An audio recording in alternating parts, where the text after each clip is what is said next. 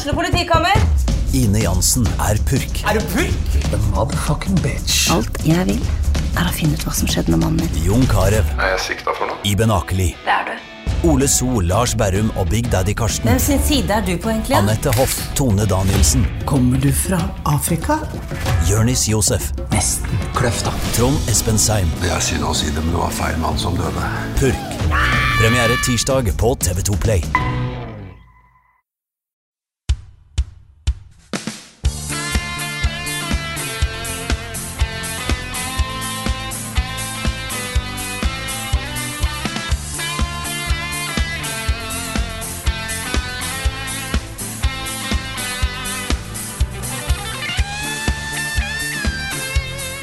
Ønsker jeg velkommen til denne pressekonferansen her. Det er nemlig kommet fram noen nye dokument i den store rettssaken mellom eh, Epic og Apple. Det er nylig, nylig et dokument som ble funnet fram, da. Eh, Det er rett og slett et bilde av Rune sine underbukser. Hva har du å si til dette, Rune? Jeg var ung og trengte pengene.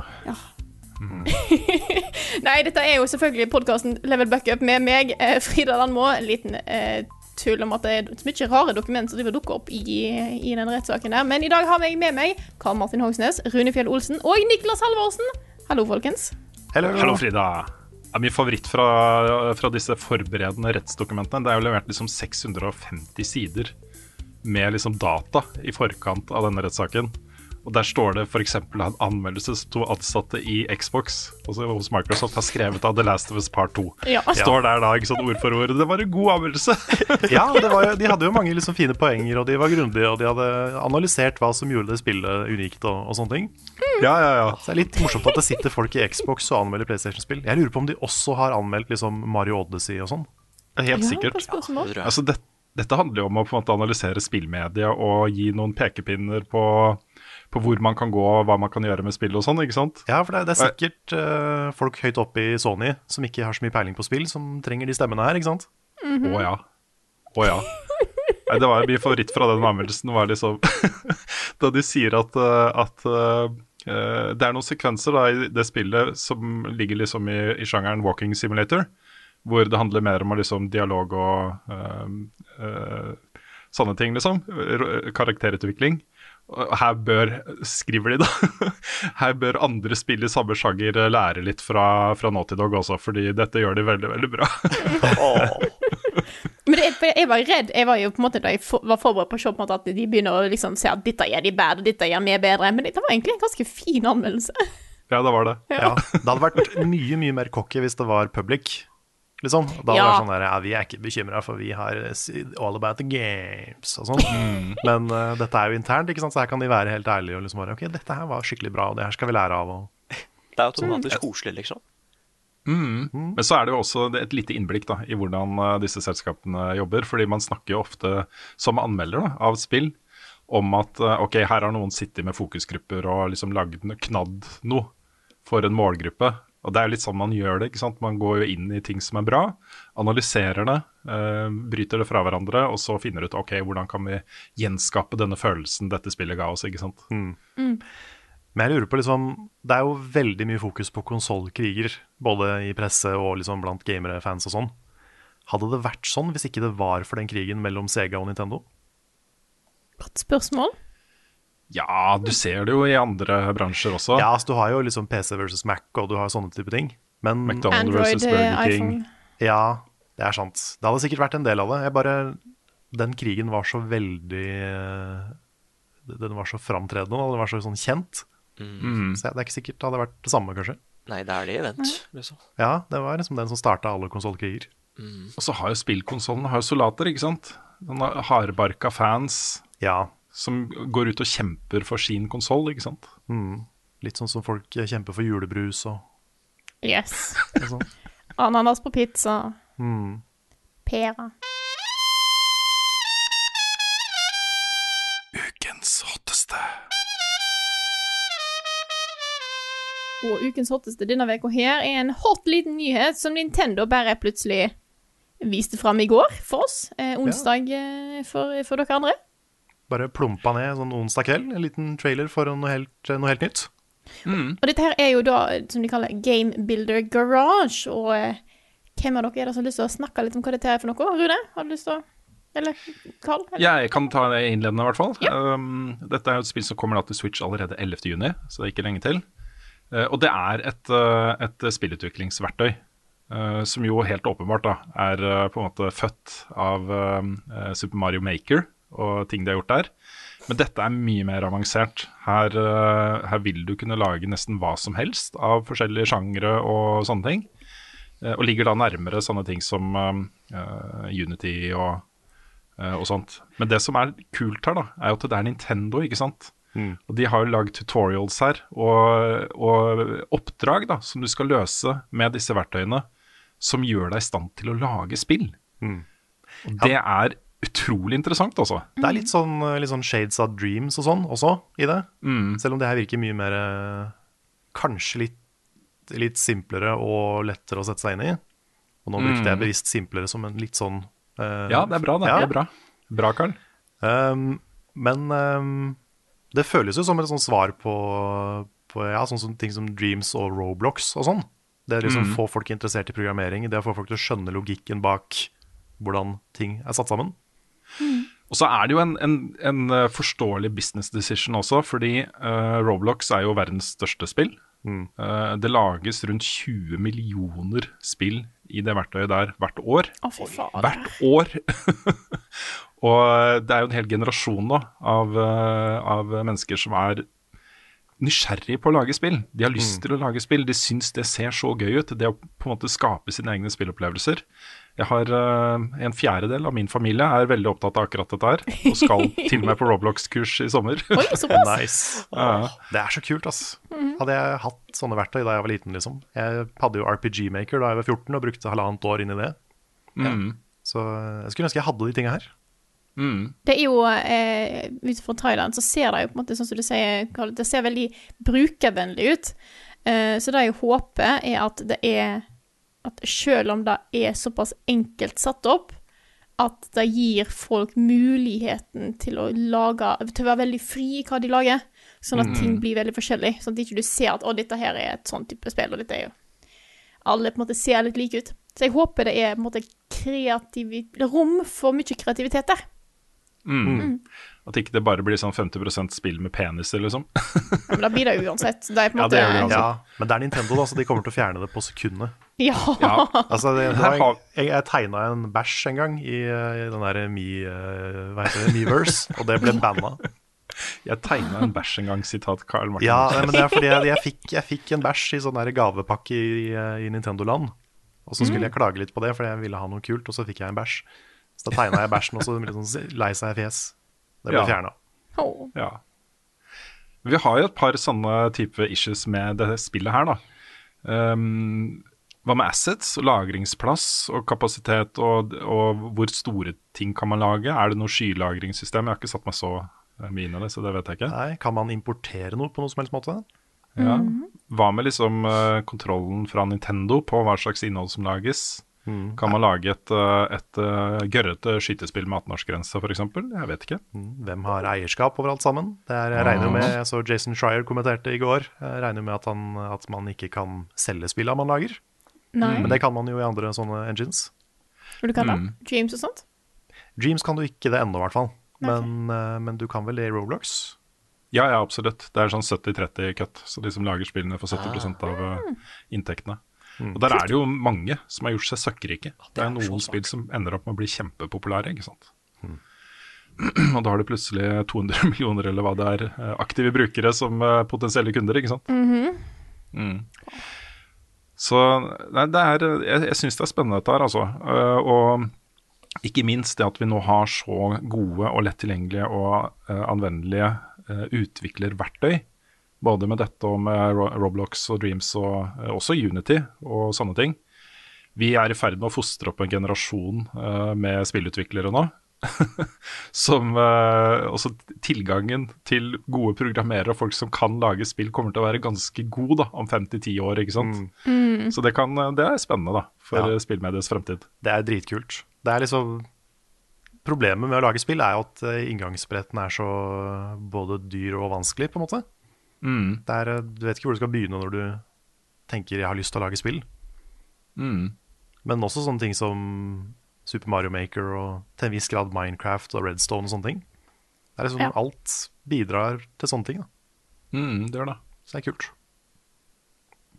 Det er spennende også. 11. juni allerede lanseres det. Så eh, får vi se om det er kanskje en konkurranse, da. Et eller annet. Se hvem som klarer å lage det morsomste spillet. Det er faktisk ikke en dårlig idé, altså. Tenk, altså, det hadde vært kult. Det hadde vært kjempekult. Vi, har jo, vi driver og spiller inn en ny duellsesong nå. Mm. Det hadde vært så morsomt å ha hatt noe sånt som spilldesign-konkurranse en gang.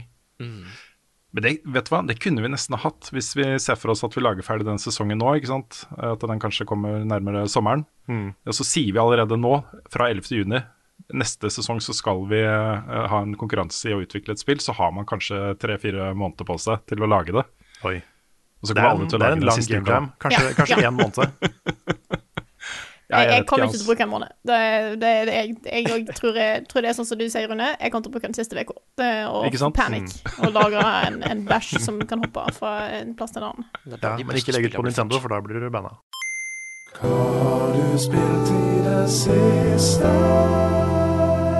Jeg vil starte med et uh, sitat denne uka. her. Ok. Eh, her står det Hvorfor i all verden orker jeg å utsette meg for noe som dette? Vær så god, Rune. Ja, det er Resident Evil Village. Og det er øhm, øh, jo ute i dag, fredag. Um, jeg har anmeldt det til terningkast fem på NRK. Oi. Og det er, øh, det er veldig bra også, men det er også starten på dette spillet, særlig første halvdel av dette spillet her, er bare så utrolig skummelt og ubehagelig å spille. Og man sitter liksom, jeg sitter sånn hele tiden da, med hevede skuldre og liksom uh, høy puls og sitter liksom Det er ubehagelig å spille, uh, men gud bedre også så vellaga der. Og der fikk vi en veldig god forsmak uh, i den demoen som kom. Den første, og også for så vidt den andre, har jeg forstått. da, Jeg har ikke spilt den selv. Men, men de er så gode her på å lage en, en sånn utrolig trykkende, sånn klam stemning. Um, og det er de to første store områdene i spillet, hvis man ikke tenker på liksom selve byen, da, hvor man går litt rundt og bare samler ting, liksom, er sånn i veldig sånn trange hus med trange ganger, og lyset går, og du ramler gjennom gulvet og havner i kjelleren, og ting er etter deg, og sånn hele tiden. så så det, er, det er ubehagelig også. Det er ordentlig ubehagelig, men det er jo sånn skrekkspill skal være, da.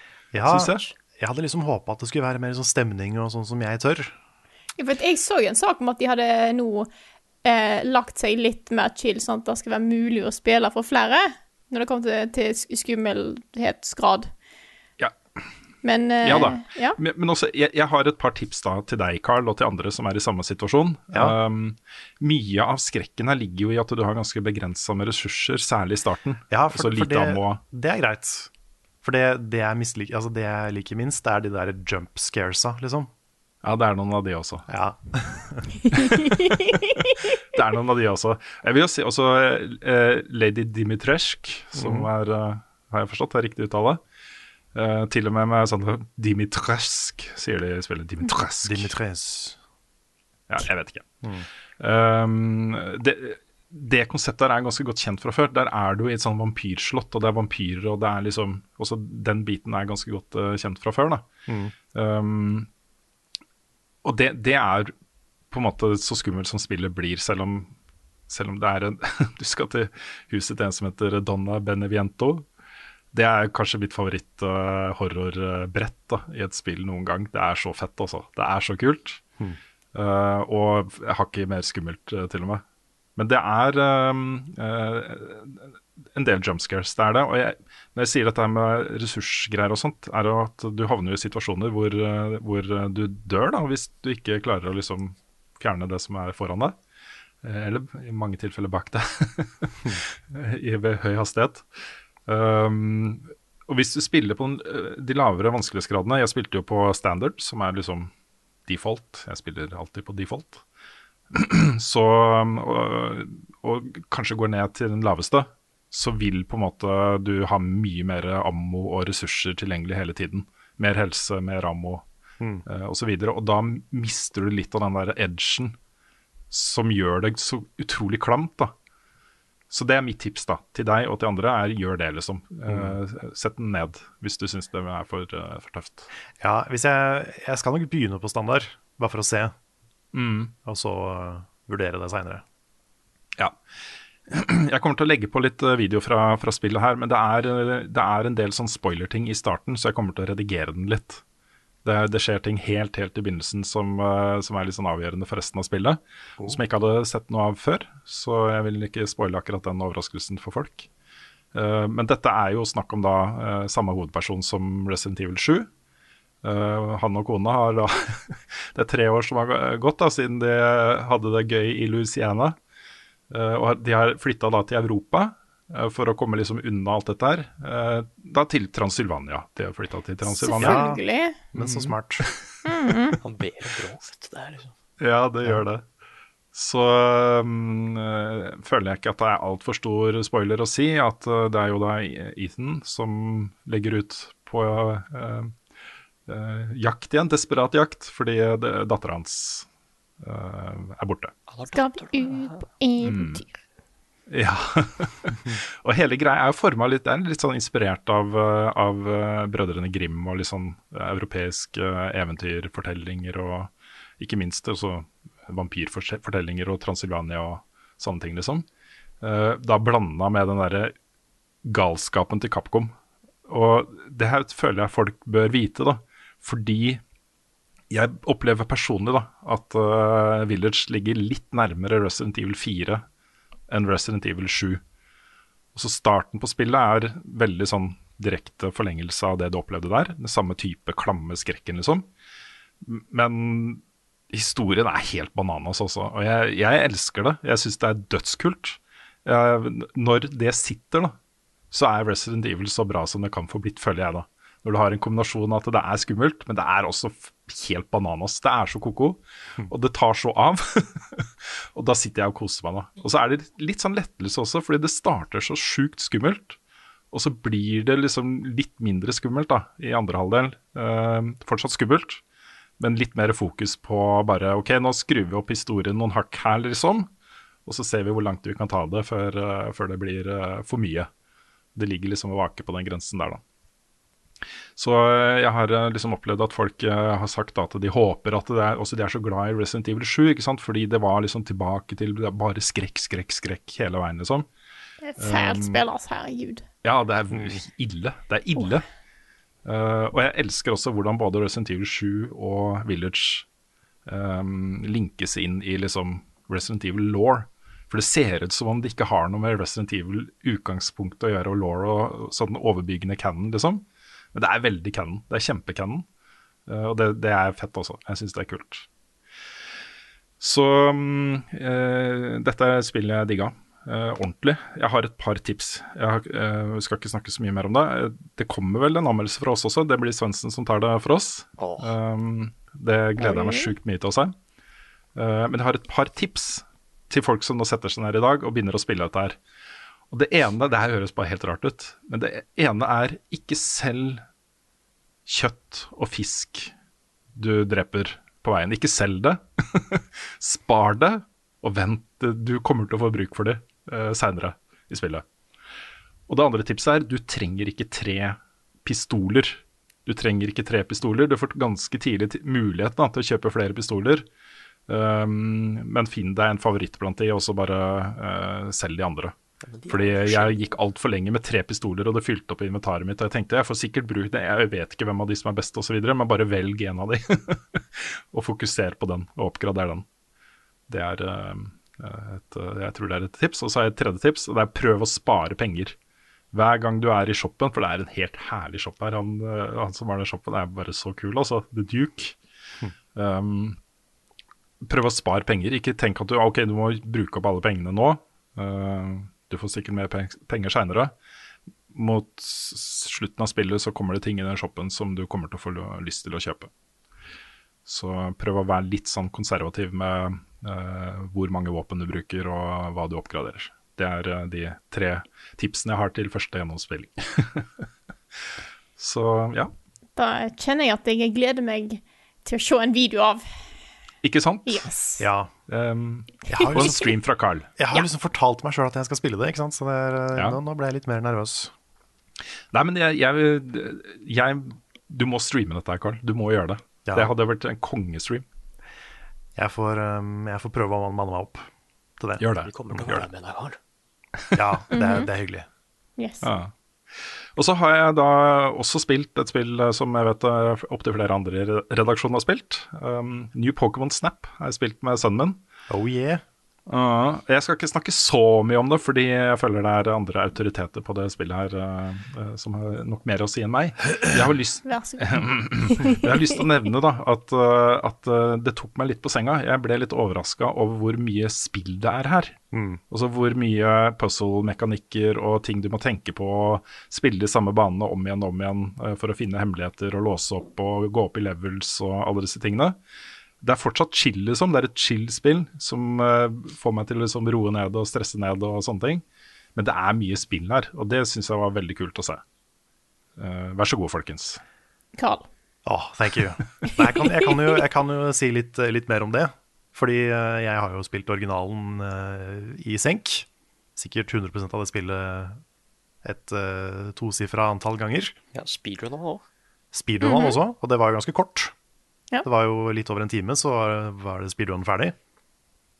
Så originalen er veldig veldig kort. Men det er jo ikke New Pokémon Snap i det hele tatt. Jeg har nå en save på Jeg tror jeg kom til rulleteksten på 15 timer. Og så fullførte jeg Pokédexen nå nettopp på sånn ca. 30. Oi. Og, og jeg har fortsatt ikke liksom fått alle fire bildene av hver Pokémon. Jeg har fortsatt ikke fått uh, det sånn platinum-stjerner på alle bildene. Det er fortsatt masse igjen da, som jeg kan gjøre hvis jeg vil. Og Ja, for du skal jo ha ta fire bilder av hver Pokémon. Av Ja. ulik rarity. Ja, det er det de stjernene betyr. Det er liksom ikke det første man tenker er at stjerner er sikkert kvalitet, men det er kategori, på en måte. Ja, for du kan ta et skikkelig dårlig firestjernersbilde. Ja, du kan det. Så lenge liksom Hvis du får det bildet av en Pidgeot som swooper ned og tar tak i en Magikarp, så er det fire stjerner, selv om det bildet er nesten umulig å se. Fordi øyeblikket er fire stjerner, på en måte. Ja.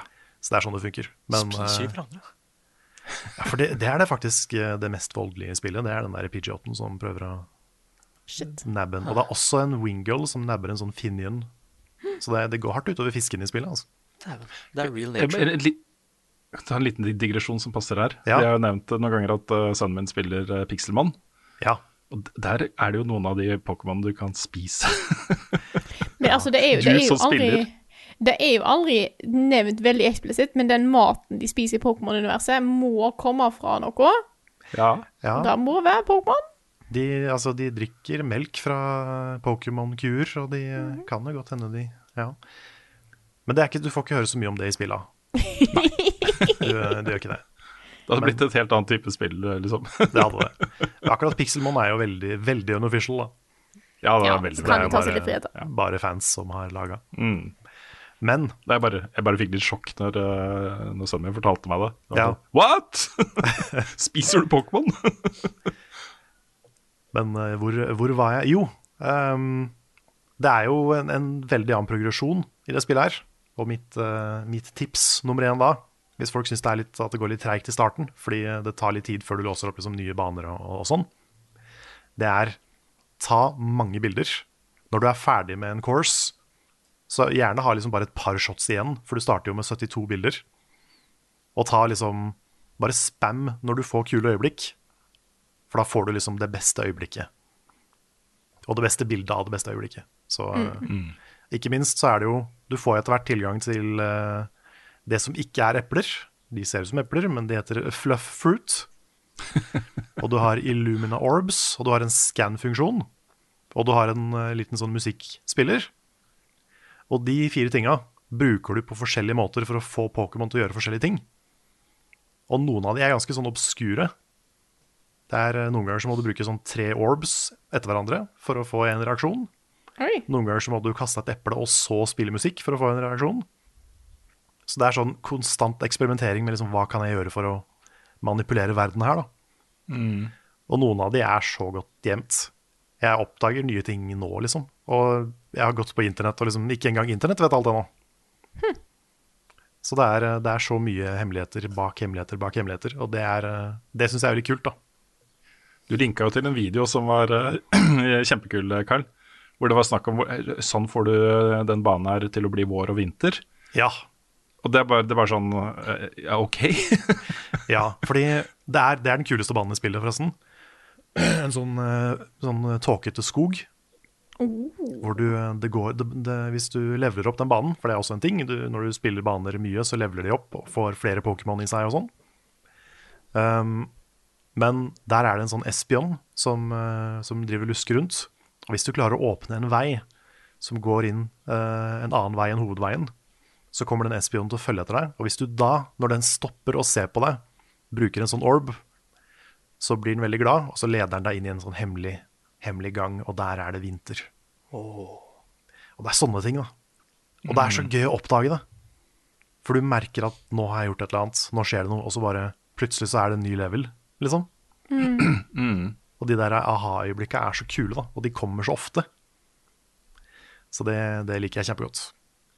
Du nevnte jo de eplene, Carl. Jeg la merke til at, eh, at uh, Pokémonene spiser eple fra toppen og ned med stilk.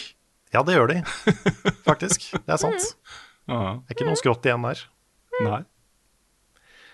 Så det er en, enda et innlegg i debatten om eh, hvordan spise frukt. Yes.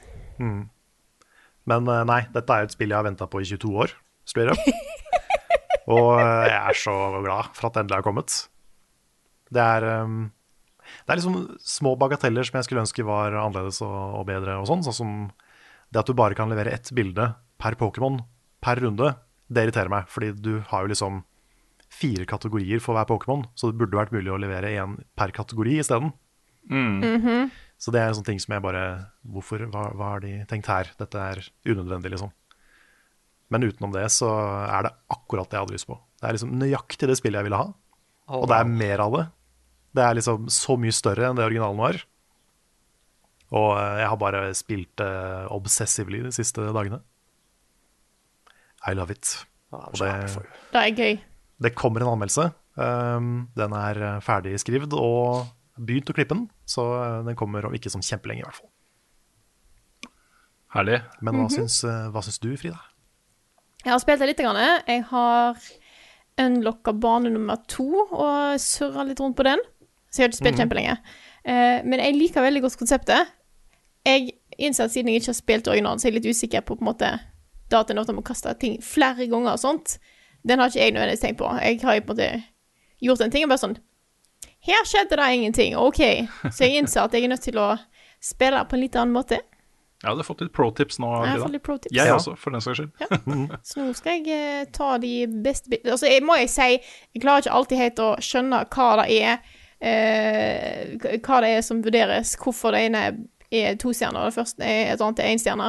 Eh, jeg sendte bilde til deg, Carl, der du Ja. kunne se hornet til en sånn bøffel, som jeg ikke husker hva heter. Buff, Buffelunt, eller noe sånt? Buffelunt, ja. Mm. Hornet til den på sida, og midt i bildet, der har jeg Score Bunny. Dritbra bilde. Han som springer bortover, ser i kameraet, er happy. Men det er Bofelanten det er bilde av, da! Ja. Ja. ja, det skjer noen ganger. Og det er Ja. sånn når du Når det siste navnet som har dukka opp For når du sikter på en Pokémon, så dukker navnet opp. Og det er det siste navnet du har markert som bildet telles som. Så da var du veldig uheldig med at liksom Scorbun ikke dukka opp der. Ja, sant. Og det er irriterende. Det skjer noen ganger. Og det Ja, det, det er kjipt. Ja, men det, sånn, får det, sånn får det bare være. Det er, men jeg syns det, det er kult. Jeg har satt veldig mye bra bilder.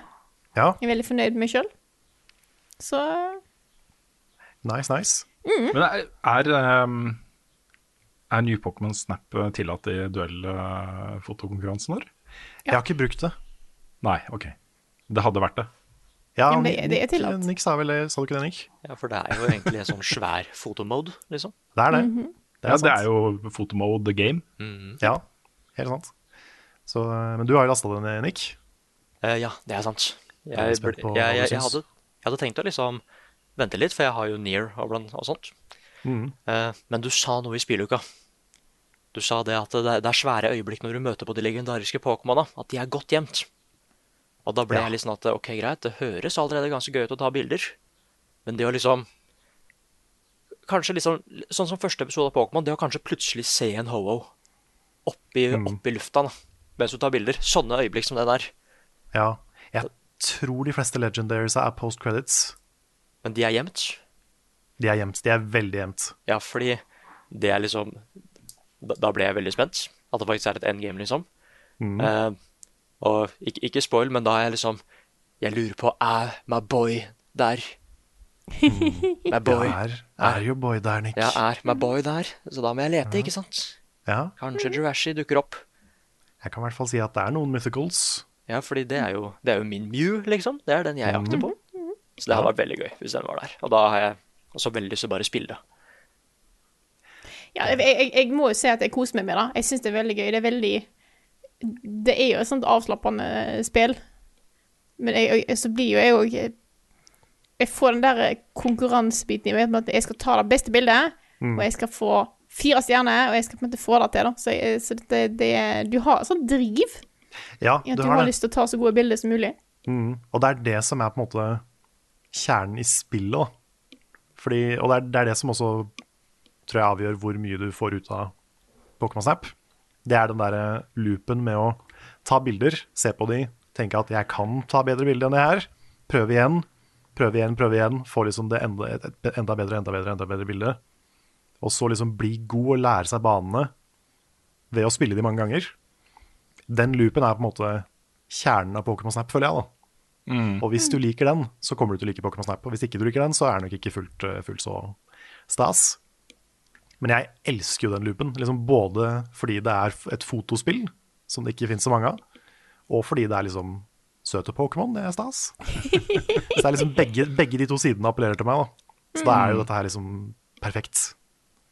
Og så kan du, Det er jo eh, et eget system. Fordi de bildene som gir stjerner og kommer inn i liksom eh, boka, og som sørger for progresjonen, at du låser opp nye baner og sånne ting, er jo én ting. Men du kan jo også, helt uavhengig fra det, liksom velge ut dine favorittbilder og lagre de i et eget system. Ja. Og de bildene igjen kan du begynne å gjøre ting med og, uh, Lage memes. og. For Lage memes. Det er sant. Du kan jo til, det er til og med sånn resnap-funksjon, hvor du kan liksom gå tilbake til det øyeblikket du tok bildet. Eh, dette her får du ikke poeng for, da, så dette er bare til det personlige albumet. Men du kan liksom justere vinkel, du kan justere zoom og sånne ting. Så det er veldig lett å få fine bilder i albumet. Åh. Men noen av de kan bli skikkelig fine. Og du kan leke med liksom fokus og eh, bakgrunnsblur og sånne ting. Så du kan få skikkelig kule bilder. Så that's pretty cool. Tøft. Men eh, apropos det der med, med chill og avslappende, så er det, for det er jo egentlig et ganske sånn chill, rolig spill. Men det som også er tingen, da, det er at du er jo konstant i bevegelse, for du sitter jo på en sånn on rails, eh, et sånt kjøretøy som bare fortsetter framover uansett hva du gjør. Og Pokémonene er alltid i bevegelse. Og det første som møter deg på første level, er jo sånn fem forskjellige Pokémon som beveger seg i fem forskjellige mønstre. Så for meg, med en gang jeg starta, så var det sånn Wow, shit! Nå må jeg bare, ja, jeg skal prøve å catche alt. Og så, og så merker jeg liksom at det var et bra øyeblikk, og det var et bra øyeblikk, men jeg mister alle sammen. Åh. Og det er sånn det er i starten. Så det er liksom, det er chill, men det er også veldig intenst. Åh, men det høres jo gøy ut. Så det er en sånn rar kombinasjon av begge deler. Mm. Du er nesten alltid et halvt sekund for seint ute til det motivet du egentlig har lyst til å ta bilde av. Ja, but then you get good. Ah. Ikke sant? Og det, det, den følelsen når du tar det perfekte bildet, ikke sant? The perfect shot, oh. perfect moment. Det er, eh, det er så givende, i hvert fall for sånne som meg. da. Mm. Så må jeg bare skryte litt og si at jeg er eh, akkurat nå på eh, topp 200 i verden i score på Pokémon Snap. Oi, insane, Carl. Var det totalt sett? Jeg trodde det bare var én enkelt bane. Nei, det var totalt sett. Du er Totalt sett topp 200 i verden. Topp 200 i verden på et Pokémon-spill. Det er godt jobba. Ja, vet du hva, Da angrer jeg litt på det der teite lille emojien jeg la ut der. Sånn, sånn der nerde-emoji. Ja. Ja, ja, Men det er jo for så vidt Wow. riktig, jeg, jeg er jo nerd. Så det tar, tar meg ikke nær av det. Det er helt insane, Carl. Jeg, var, jeg ble litt overraska da jeg oppdaga det. Fordi jeg har jo aldri vært så høyt oppe på en leaderboard noen gang. Tror jeg. Jeg er De fleste, konge. de fleste sånne leaderboards er jeg ikke så god på. Sånn, jeg tror jeg var topp 1000 i Tony Hawk en periode. Oi. Men aldri vært oppe i sånn 200, altså. Så jeg er litt, er litt fornøyd. eh, imponerende. Lov å være fornøyd, da. Så det. Men, ja. men ja, da skal vi kanskje gå videre. Eh, jeg kan jo si at jeg i det siste kun har brukt tid på å spille en ting til duellen vår. Og da kan vi ikke snakke helt om ennå. Så jeg tror Men vi kan jo nevne, da Jeg, jeg har bare lyst til å nevne det kjapt at uh, gud bedre så gøy det har vært å spille inn de duellene. Det er jo syv av de. Syv forskjellige spill. Det er det. Og det er jo da en sånn covid-oppskrift som, eh, som Nick har kommet opp med. Basert på den der Fall Guys-videoen vi lagde for en stund tilbake. Så det blir en bra duellsesong, altså. Den, uh, har kjempegøy. Kjempegøy. jeg, jeg gleder meg sykt til å se episodene, fordi Ja, vi vet jo ikke hvor bra vi har, hverandre har gjort det, ikke sant? Nei, men du har noen hint, da. Fordi for eksempel når jeg gikk inn på det ene spillet Uh, på Steam, så kunne jeg se liksom Frida har spilt dette så og så mange minutter i det siste. Carl har spilt dette spillet så og så mange minutter i det siste, før jeg, da jeg gikk inn, ikke sant. Ja. Så det var sånn da satt jeg hele tiden og så på klokka. Jeg begynner å nærme, Nå nærmer jeg meg det, den tiden, liksom. For noen det av de er jo, er jo på tid, så ja. Det er sant. Ja, det var veldig kult. Men det, jeg vet ikke om det er en sånn veldig god indikasjon, da. Fordi uh, på, på ett av spillene så måtte jeg liksom Jeg måtte spille prologen, jeg måtte lage meg en character, jeg måtte liksom ganske mange ting før jeg fikk lov å gjøre The Challenge. Men akkurat i dette spillet som jeg tenker på nå, Ja. så um, Å er det en god ja, indikasjon. det spillet. Ja. Ja, det, det er Ja. kanskje en indikasjon, ja.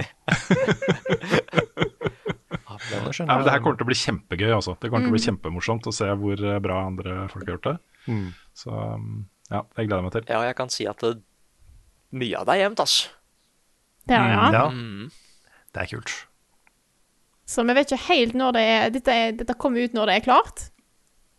Eh, nå har vi jo nesten Jeg, jeg har et, et par eh, dueller igjen å spille inn. Dere andre er ferdige, har jeg hørt. Men eh, forhåpentligvis, om ikke altfor lenge, så blir det, blir det duell nær deg. Yeah. Ja. Jeg glemte å si en ting om Pokémon Snap. Oh. Okay. det, det, det er ikke sikkert dere catcha det her. Nei. Dere gjorde mest sannsynlig ikke det. Men han fyren som dukker opp etter hvert, han Mhm. mentoren til eh, rivalen din, som heter Todd, han er jo hovedpersonen fra det første spillet. Ja, jeg kjente det. Oh, det var litt fanservice. ja. Nei, men da, Nick, da skal jeg gi ordet videre til deg. Ja. Eh, Ja. For jeg kan jo si at eh, nå er jo eh, Nå som alle har fått spilt gjennom et par av de spillene i duellen, så har jeg klippa det en del. The production has begun. Den Nice. første episoden er teknisk sett helt klippa ferdig. Bare at vi trenger, en, vi trenger en intro til å bygge opp hva duellen er, ikke sant? Shit. Litt dramatisk musikk. Ja, fordi det har skjedd ganske mange store øyeblikk i historien til menneskeheten og sånt, men dette er ganske svært det òg, da, så jeg må bygge det opp på en, Det det. på en riktig måte. Det er pyramidene og så duellen. Han kan ikke måle seg, liksom. Nei, nei, Eh, nei. Nei, så det er eh, Men, men det jeg har gjort, er at jeg har Jeg har spilt Nier, så klart. Planmelde det. Fortsatt dritbra. Har begynt å dukke opp nye ting der som ikke var i originalen. Og ting, er som, ja, og ting som jeg veit at de måtte klippe ut pga. budsjett, som de endelig har fått lov til å sette inn. Å ja, det er det er jo kult, da. Mm. At Så de har sånn, eh, sånn 80 walkers in the background og sånn. Hysj, hysj, hysj. Nei, nei, nei, så klart ikke, Carl. Nei, jeg bare, bare tuller. Carl, kom hit. Det er jo så klart det der. Ja, det er det der. Ja, det er overalt. Det er jo ønske nummer én. Folk som snakker om eh, at eh, de har lyst på en remake, en full remake av Demon, uh, Dark Souls. Det er jo det der å få da inn de områdene som de måtte kutte, liksom. Ja. under, som er underutvikla. Ja, ja, sånn Isolith. Ja. Bare scrap og fiks hele Isolith. Ah, Få den Gwyn-fighten som han hadde egentlig lyst på. Nei, det er eh, Nei, og bare liksom Husker de nevnte at eh, de hadde en sånn svært nivå som handla om et eh, sunket skip. Den er jo i spillet nå, liksom. Ja. Så jeg bare Å, er dette skipet? Oh my god, det er sikkert skipet! Og så går man inn, og så er det skipet. Det er ganske fett. Kult. Wow. Eh, men så har jeg gått tilbake til Returnal. Spilt det noen timer til. Eh, fordi eh, det er en uke siden nå. Det kom ut en anmeldelse. Jeg har gått gjennom alle de andre Ikke alle sammen, så klart, men flesteparten. Nei, alle. Du har, Jeg har gått gjennom alle, jeg sa feil. Jeg har gått gjennom alle Ja. sammen. eh, for å sjekke hva folk syns om historien og gameplay og sånn. Eh, og jeg kan si at jeg, jeg begynte For jeg ga det seks av ti. Og da begynte jeg å angre litt på scoren når jeg så det, og leste hva de andre syns. Så jeg gikk inn igjen. Eh, jeg hadde mest problemer med at det var ikke nok svar for meg, så jeg gikk inn igjen for å prøve å finne resten av hemmeligheten og sånn i det spillet. Audiologs og ting og tang som jeg ikke har oppdaga. Og da begynner jeg å tenke litt at eh, jeg var ikke streng nok med den scoren. Oi, oi, oi. oi, oi. Nå har jeg lett så lenge etter flere svar. Og det er eh, Jeg tror det er to audiologs til i spillet. Hvis det er audiologs. Jeg er ikke 100 sikker. Men med mindre de bare spoiler alt. Tingen er jo at du, Den siste audiologen, det er Winds of Winter. Ja, fordi, vet du hva? det er hele Winds of Winter. Det kan redeeme spillet, hvis det er hele Winds of Winter. Ja. Eh, hvis det er hele Winds of Winter, uh, og sånn på slutten bare By the way, uh, dette er sånn verden funker. dette er alt du trenger å vite om Celine. eh, nei, det er, det er igjen den greia med at jeg bare Jeg føler at svarene mine er der ute et eller annet sted. Men jeg finner dem ikke. Du må ta kidnappa utvikleren. Ja, igjen, altså. Ja ja, det er Gjort det før, men jeg kan, jeg kan prøve igjen, da. Med et annet, Mm. Det var et annet spill da. Får prøve igjen nå. Nei, så Jeg vurderer nesten å ha en sånn Det hadde vært litt gøy, fordi jeg tror jeg kunne fullført hele spillet på en stream nå. Oi. Eh, fordi jeg vet hva jeg skal gjøre. Mm. Det hadde vært litt gøy å liksom gjort det med, med publikum for å se om det er jeg som ikke har fulgt godt nok med. Fordi det var Mm. litt det var, Jeg måtte jo kjappe meg litt for å komme meg gjennom det også. Så kanskje jeg ikke fikk, fikk med alt, liksom. Så hoppe inn og ta en sånn recap. Bare ha med folk og bare OK, det betydde det jeg trodde det betydde, eller betyr det noe annet? Ja, sånn, ja. Um, ja. Det er kult. Det kunne kanskje vært interessant. En liten sånn speedrun slash research slash recap. ja. En law-through. En lore through. through. through. Ja, det har jeg sett Ja. noen folk kalle det. Ja, og liksom ikke fordi at eh, jeg skal snakke om spillet, men jeg, jeg må snakke med noen om hva det kanskje betyr. Jeg trenger flere mm. liksom innblikk her, da. Mhm. Så det hadde Jeg, da, jeg sitter jo og hører deg snakke. Jeg blir jo så trist på dine vegne også, Nick. Det, det, er- jeg syns det er synd at, du, at det betyr så mye for deg, liksom de, de delene der. Fordi min opplevelse av spillet er liksom bare sjukt fett gameplay med en veldig stilig setting. Det er liksom Det er spillet for meg, da. Mm. Uh, og de tingene du har hengt deg opp i, har ikke jeg hengt meg opp med i det hele tatt. Nei. Og um, uh, jeg er litt lei meg for at ikke du på en måte har fått den samme gleden som jeg føler da, Nei. av av det spillet her. Nei, for liksom, det er jo kjempebra, liksom. Det er bare den der tingen som Mm. eh, som, som jeg trodde ikke skulle være så svær, men som viste seg å være en ganske svær del av opplevelsen min. da. Mm. Men jeg skal fortsatt prøve å lete. Igjen, jeg har jo ikke funnet alt. Men det er jo fint med spillet, syns jeg, da. At man, uh, at man uh, kan være så uenige uh, med det samme utgangspunktet. Mm. Og så i din anmeldelse også, så var du jo like glad i gameplay og de tingene som jeg er. Ja, ja, ja. Og visuelle, også verdenbygging og sånne ting er jo top notch i dette spillet her. Det ser bare så fett ut, ikke sant? Mm. Så mm, eh, jeg syns det er bra, jeg. At, eh, at man kan allikevel hente liksom to forskjellige, helt forskjellige ting ut av den opplevelsen. Yeah. Det er eh, en styrke, føler jeg, for å spille med det. Mm. Ja, og så, som, som du snakker om, liksom, at du um, blir stressa på at du har vært for streng. Når jeg hører deg snakke, så blir jeg stressa for at jeg har vært for snill. så det går jo begge veier. Men, um, men det, det, det handler vel egentlig bare om å stole på sine egne meninger og uh, stå for det, liksom. ikke Det gjør det. Man kan ikke snakke for noen andre enn seg sjøl. Det Nettopp. Så at din egen opplevelse er litt annerledes enn andre sin, betyr ikke at den er feil. Nei, det er det. Nei. Det er sant. Live your truth. Men jeg vurderer ja, en sånn, sånn som du kalte det, Carl, en law through. Ja. Bare for å se. Bare for å se, liksom. Det hadde vært gøy å få med folk òg. Hvis jeg, Jeg blir med, jeg. Ja, hvis jeg får spilt litt før streamen, så er jeg med. Ja, for det er også viktig. Jeg vil ikke spoile det for noen her. Nei. liksom. Mm. Men jeg skal prøve å få spilt litt før, før det. Nice, nice. Men så har jeg en siste ting, dere. En overraskelse, som det heter. Oi. Eh, fordi jeg har eh, eh, det, det, var noen, det var noen dager der ting gikk litt smått, fordi jeg venta på duellopptak og litt sånn. Eh, jeg, jeg, jeg kaster ikke noen under bussen her, altså. Jeg, bare, jeg trengte bare litt mer for å klippe, rett og slett. Eh, så da fikk jeg litt ekstra fritid til å spille og litt sånn. Så jeg bestemte meg for å hoppe inn i Photoshop og prøve å lage en T-skjorte, jeg også. Ja, stemmer det! Nei. Dette har jeg hørt rykter om. Jeg hadde besøk av Svendsen uh, i går, som henta en PC. Å, Å ja, han har vært Ja, OK, så kult. Ja, ja. Vi, det var ordentlig hyggelig. Vi kjøpte bagetter på Fransken, som er et bakeri eh, rett ved siden her, og spiste kanelboller og å, scones med sjokolade og fransk bagett. Og det var ordentlig hyggelig. Lenge siden jeg har sett Svendsen. Det har vært koselig. Ja, det var, det var første gang jeg har sett et annet menneske Ja. som ikke jobber på Kiwi, på månedsvis. Men du driver jo Oslo Åpen igjen, hører jeg? Ja, det, fra fredag så skal butikken være åpne igjen. Ja. Så det er ålreit. Men eh, eh, fortsett, Ja, da. beklager. Digresjon. Ja, fordi det jeg tenkte da, er at eh, for å kanskje tease den nye skjorta, for den er ikke Designet er ferdig. Jeg mangler bare et par ting til. Så tenkte jeg at da kunne jeg sende dere, altså vi i Discord her nå, denne samtalen her, jeg kunne sende dere bilde av skjorta. Så kunne jeg få reaksjonene Ja. deres og litt feedback. Ja. oh, shit. Legger du den i, i prat, eller på Facebook? Jeg legger den på Facebook. Ok, Så nå må jeg sette sitte klar her. Okay, Ok, nå går jeg på bildet. ok. Ok. Så går jeg på den som heter backup test. Og der kommer den. Dette er bra lyd. Der er den der. På er Messenger? Ja, på Facebook. Ja. Der kom den. Ja, jeg elsker I den! love it. I love it. Den er, den er perfekt. Den er perfekt, Nick.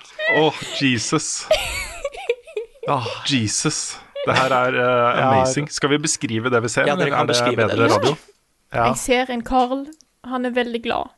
Carl er kjempeglad for han har fått ei stjerne i Mario Party. Mm. Og hva Hvem har lyst til å ta resten?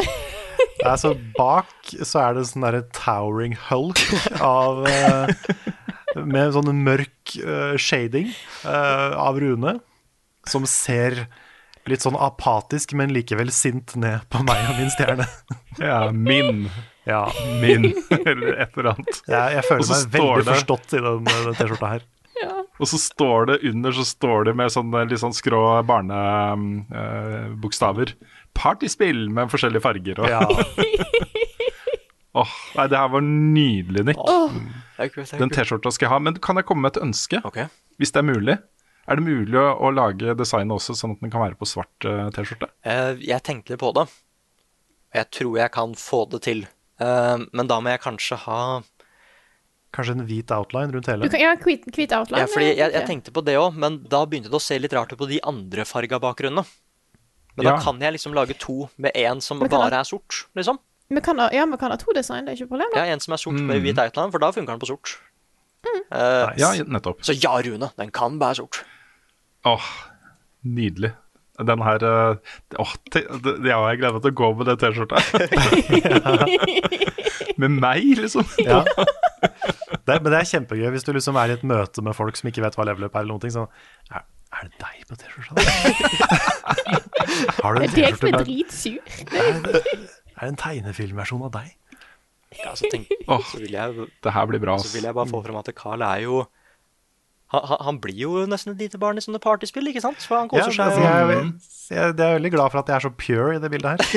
ja, Og bitte liten. Og bitte liten. ja, for du, you're a kid again. You're having fun. Ja, jeg, jeg, jeg vil bare kose meg med partyspill. Ja. Ja, så følte jeg meg at alle partyspillere har en sånn spiller.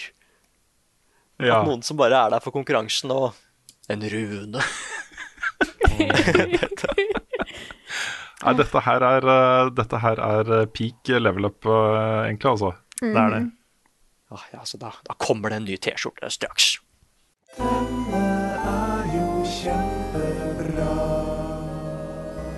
Ukens anbefaling. Rune, du har en anbefaling på lager som til og med jeg eh, til og med Som jeg gleder meg masse til å teste ut. Nei, sjekke ut. Ja. Var ikke til og med. Veldig rar intro. Vær så god. Det er til Ja, og med anbefaling som er bra på Det er vanskelig. Ja, det er Nei, men all right. Eh, Litt bakgrunnshistorie først, da, fordi de siste ukene har vært ganske intense for meg. Og så Først så havna jeg sånn uten forvarsel inn i eh, sånn voldsomt eh, Outriders-kjør.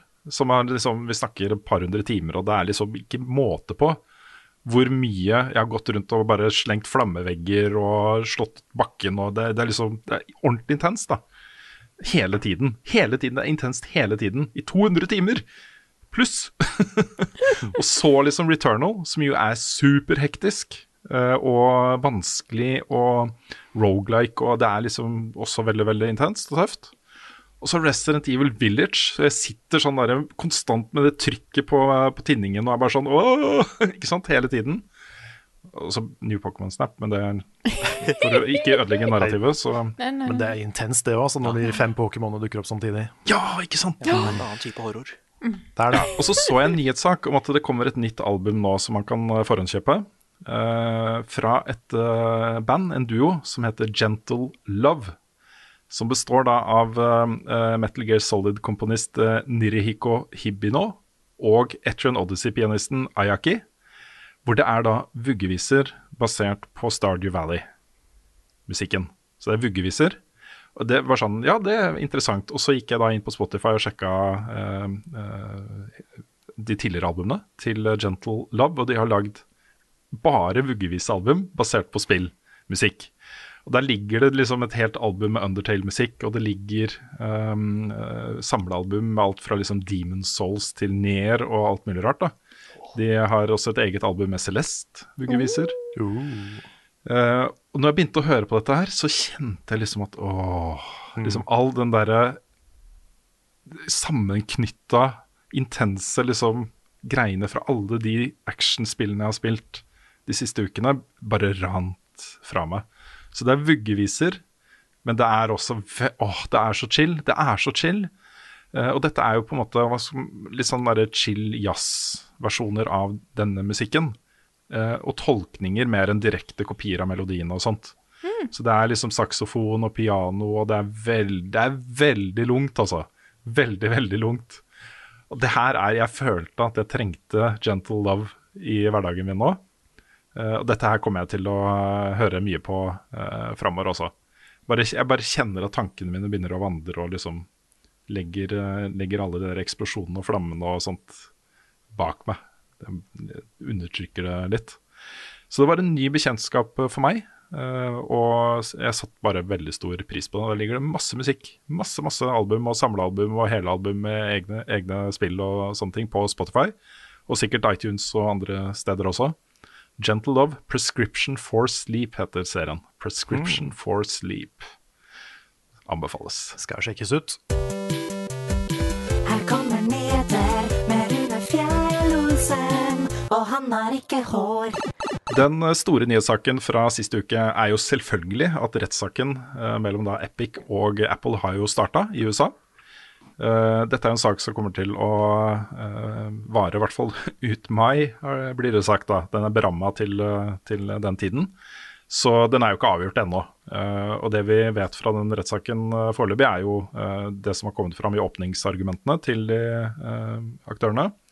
Og fra de forberedende rettsdokumentene. Så det er ikke så veldig mye Hvis du så spilluka denne uka her, så har du fått en grei gjennomgang, tenker jeg, eh, av, eh, av hva denne rettssaken handler om. Så det blir litt mer sånn oppsummerende eh, i korte trekk her, tenkte jeg. Og så kan du sjekke ut spilluka hvis du er nysgjerrig på mer. Men det som er kjernen her, er jo at Epic mener cutten på AppStore er for høy. Um, at uh, mer av de inntektene som genereres via AppStore på IOS, bør gå til de som gir ut og lager spillene. Um, Apple på sin side uh, kaller jo AppStore for en integrert del av IOS og deres oppfinnelse, og at uh, cutten er såpass høy fordi um, det sikrer sikkerheten da, til brukerne og kvaliteten på uh, innholdet i uh, butikken. Og så hindre svindel og, og sånne ting. Det at de kan ha økonomi i det, gjør at de også kan dedikere tid og ressurser til å uh, drifte en butikk da som uh, Er det en milliard mennesker som har en iPhone? Å, fy fader, det er såpass, ja. Ikke sant? Det er- det er kvaliteten på innholdet i AppStore. Ja, der er, det ligger jo ikke noe dritt der i det hele tatt. Ikke noe, ingenting. Ikke noe uh, frozen pregnant Elsa-simulatorer og sånne type ting. Nei, nei, nei.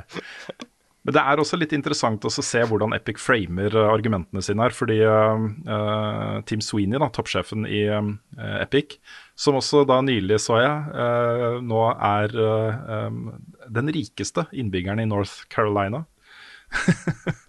det er ingen i North Carolina, delstaten, som eh, har mer penger enn Tim Sweeney i Epic. det er litt morsomt. Eh, men han framer dette her som om, som, eh, som om det det handler om, er um, eh, også the metaverse. Og um, eh, den betydningen virtuelle verdener har i livene til folk. da. Um, han siterer fra science fiction-litteratur og uh, budskapet er liksom at dette handler ikke om kroner og øre, og at jeg er Nord- Nord-Carolinas rikeste mann. Han har ikke sagt det, da. Men det, hand- det handler om at Apple eier på en måte 30% av livene våre, eller utnytter eh, livene våre ved å ta en cut da, på 30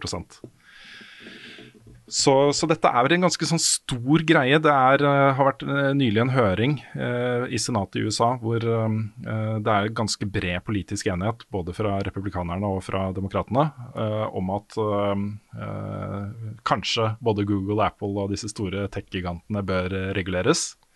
Og Da vil jo på en måte denne cutten vil jo være en del av det de ser på i det arbeidet. Så uavhengig av rettssaken så pågår det arbeidet. Og EU er også involvert. De eh, jobber med en etterforskning av, eh, av Apple for monopolvirksomhet.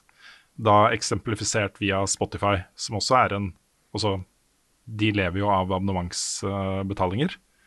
Eh, og hvis Apple og Google tar 30 av, av abonnementet, så er det, det er mye penger, da. For en hundrelapp, liksom. Det er 30 kroner av hver hundrelapp går rett til de, liksom. Så, så ser man jo at sånne aktører som Netflix f.eks., der var det jo en kjempesak hvor, eh, hvor de krevde at eh, Apple ikke skulle ta eh, en andel av abonnementet hvis man signer opp via IOS. Hvor, da Apple sa nei, det, sånn, det kan vi ikke gjøre. Og da stoppa jo bare Netflix å tilby muligheten til å betale via IOS. Der står det bare at du må gå på en nettleser på PC liksom, eller et annet sted for å eh, abonnere på Netflix. Så det er en, det er en ganske sånn omfattende sak. eh, og kjernen for sånne som oss er jo eh, at når man ser både Epic Game Store og nå, nå nettopp eh, Microsoft eh, eh, på PC ha en cut på 12, liksom, 12% istedenfor 30, så legger du litt press på både Apple og Steam og PlayStation og Xbox, fordi det gjelder jo ikke på Xbox-konsollene, uh, tar da for salg av spill, og Nintendo selvfølgelig, Switch. Det er, um, kan bli ganske store dramatiske endringer, og det er så mye penger, vet du. Det er så mye penger. Mm. Det er uh, I disse forberedende rettsdokumentene så hevder jo da Epic uh, sine advokater og researchere det er ikke Apple som sier det selv, men eh, de hevder da at Apple hadde bruttoinntekter på rundt 64 milliarder dollar fra AppStore-salg i 2020. Oi. Det er, det er veldig mange milliarder eh, dollar, altså. Um, det står jo også der at um, eh, de hevder, da, eller mener å kunne bevise, at nesten 80% av de inntektene er ren gevinst for Apple. Og da er det jo på en måte argumentet om at de trenger disse pengene for å sørge for at alle brukerne deres er sikre og, Ja. og sånt. Det, Det er god gammeldags hoarding av penger. Ja, det er faktisk det, altså. Ja. Det er jo derfor det er så vanskelig å få gjort noe med det også. Fordi man må jo, som Apple, da, og si Vet du hva, 64 milliarder dollar er topp, det, men vi klarer, vi klarer oss med 32. Det går fint. Det er helt fint. Vi klarer oss med 32. Da får guttungen gå med de samme skoa et år til. Ja. Men uh, det får gå.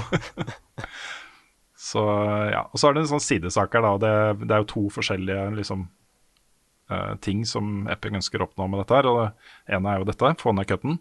Uh, det andre er jo at IOS burde tillate konkurrerende nettbutikker, eh, salgsbutikker, på AppStore. Som f.eks. Epic Game Store eller Steam, eller hva det skulle være. Så, så dette her er Det blir spennende å følge med på, altså. Jeg er uh, sjukt spent på hva, uh, hva, dommen blir her, liksom. Det, det kan gå begge veier. Det er ikke noe, det er ikke noe gitt utfall. Men jeg lurer på hvordan det funker med, for du har jo liksom PlayStation-appen på IOS og på Android. Og mm. den kan du bruke til å kjøpe spill. Ja, kan du det? Kan du ikke det? Jeg tror ikke det. Kanskje, kanskje ikke du kan det? Kanskje det er en begrensning på det? Jeg mener å huske at jeg har prøvd, men at jeg da kun kunne gjøre det hvis jeg hadde uh, penger i min wallet på PlayStation. Men jeg, nå, nå snakker jeg liksom bare fra sånn vage minner. Jeg, jeg, har ikke, jeg er ikke helt sikker. Ja, for er, det har jeg ikke. ikke tenkt på i så fall, at ikke du kan det. Nei, du kan jo da gå inn via en nettleser på telefonen og logge deg inn på playstation.com og gå inn der og gjøre ting, men Mm. eh, ikke direkte via appen, det tror jeg ikke. Nei. Det er jeg usikker på, men eh, jeg tror ikke det. Nei. Det er jo gjort noen unntak her da, fra, fra Apple. De har jo gjort uh, spesielle dealer, tror jeg også med Spotify, hvor de har uh, senka cutten. Um, og de har jo også tidligere, rett etter at de ble saksøkt av Epic, uh, gått ut og sagt at uh, ok, hvis du tjener mindre enn 1 million dollar i året på salg via AppStore, så er cutten på 15 eller 12 eller hva det var. Så um, de har jo gjort noen innrømmelser der allerede. Men det er jo disse hvalene, ikke sant. Det er jo Fortnite og Call of Duty og um, uh, uh, Clash of Clans. Og det, er disse, det er disse pengene Apple vil ha, ikke sant. Mm. De, de taper ikke mye på å si Hei, dere som tjener under en million dollar, dere kan få lov. Da er det ikke der pengene til Apple ligger. Nei, i sum så er det jo uh, en, en del penger, da. Men Jo, jo, for men- hvert enkelt spill ikke så mye. Nei, men jeg, jeg tror fortsatt at de, de store, de største spillene eh, tar mesteparten der. Mm. Det er verdens største lommerusk, på en måte. Ja. ja. ja, men Apple har jo så mye penger, vet du. Det Ja. er helt vilt. ja. Det er helt vilt hvor mye penger det er. Så Ikke bra.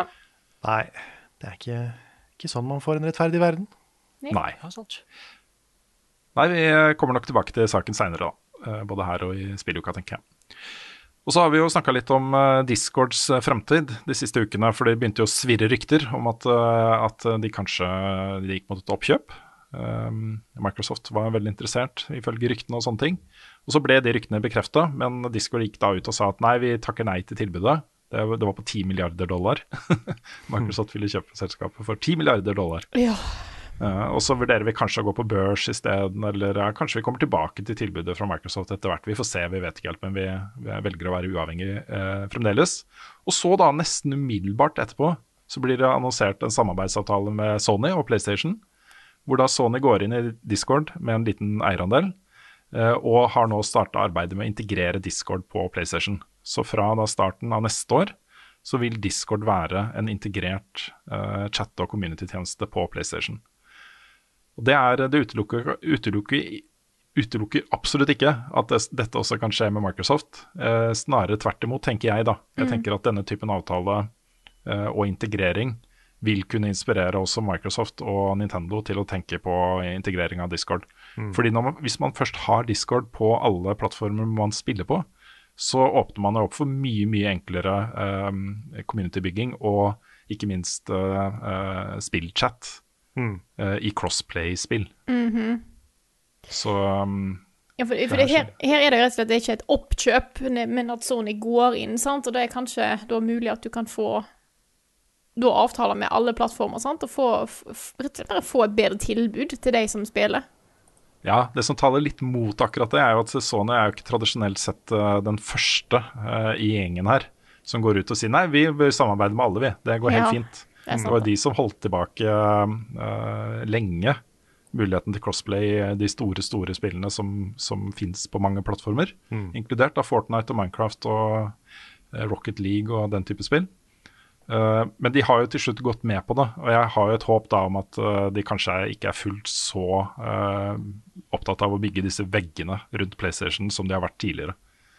At det kan eh, skje ting der. For det er jo en veldig veldig positiv ting i spillmediet de siste årene, er jo crossplay. Ja.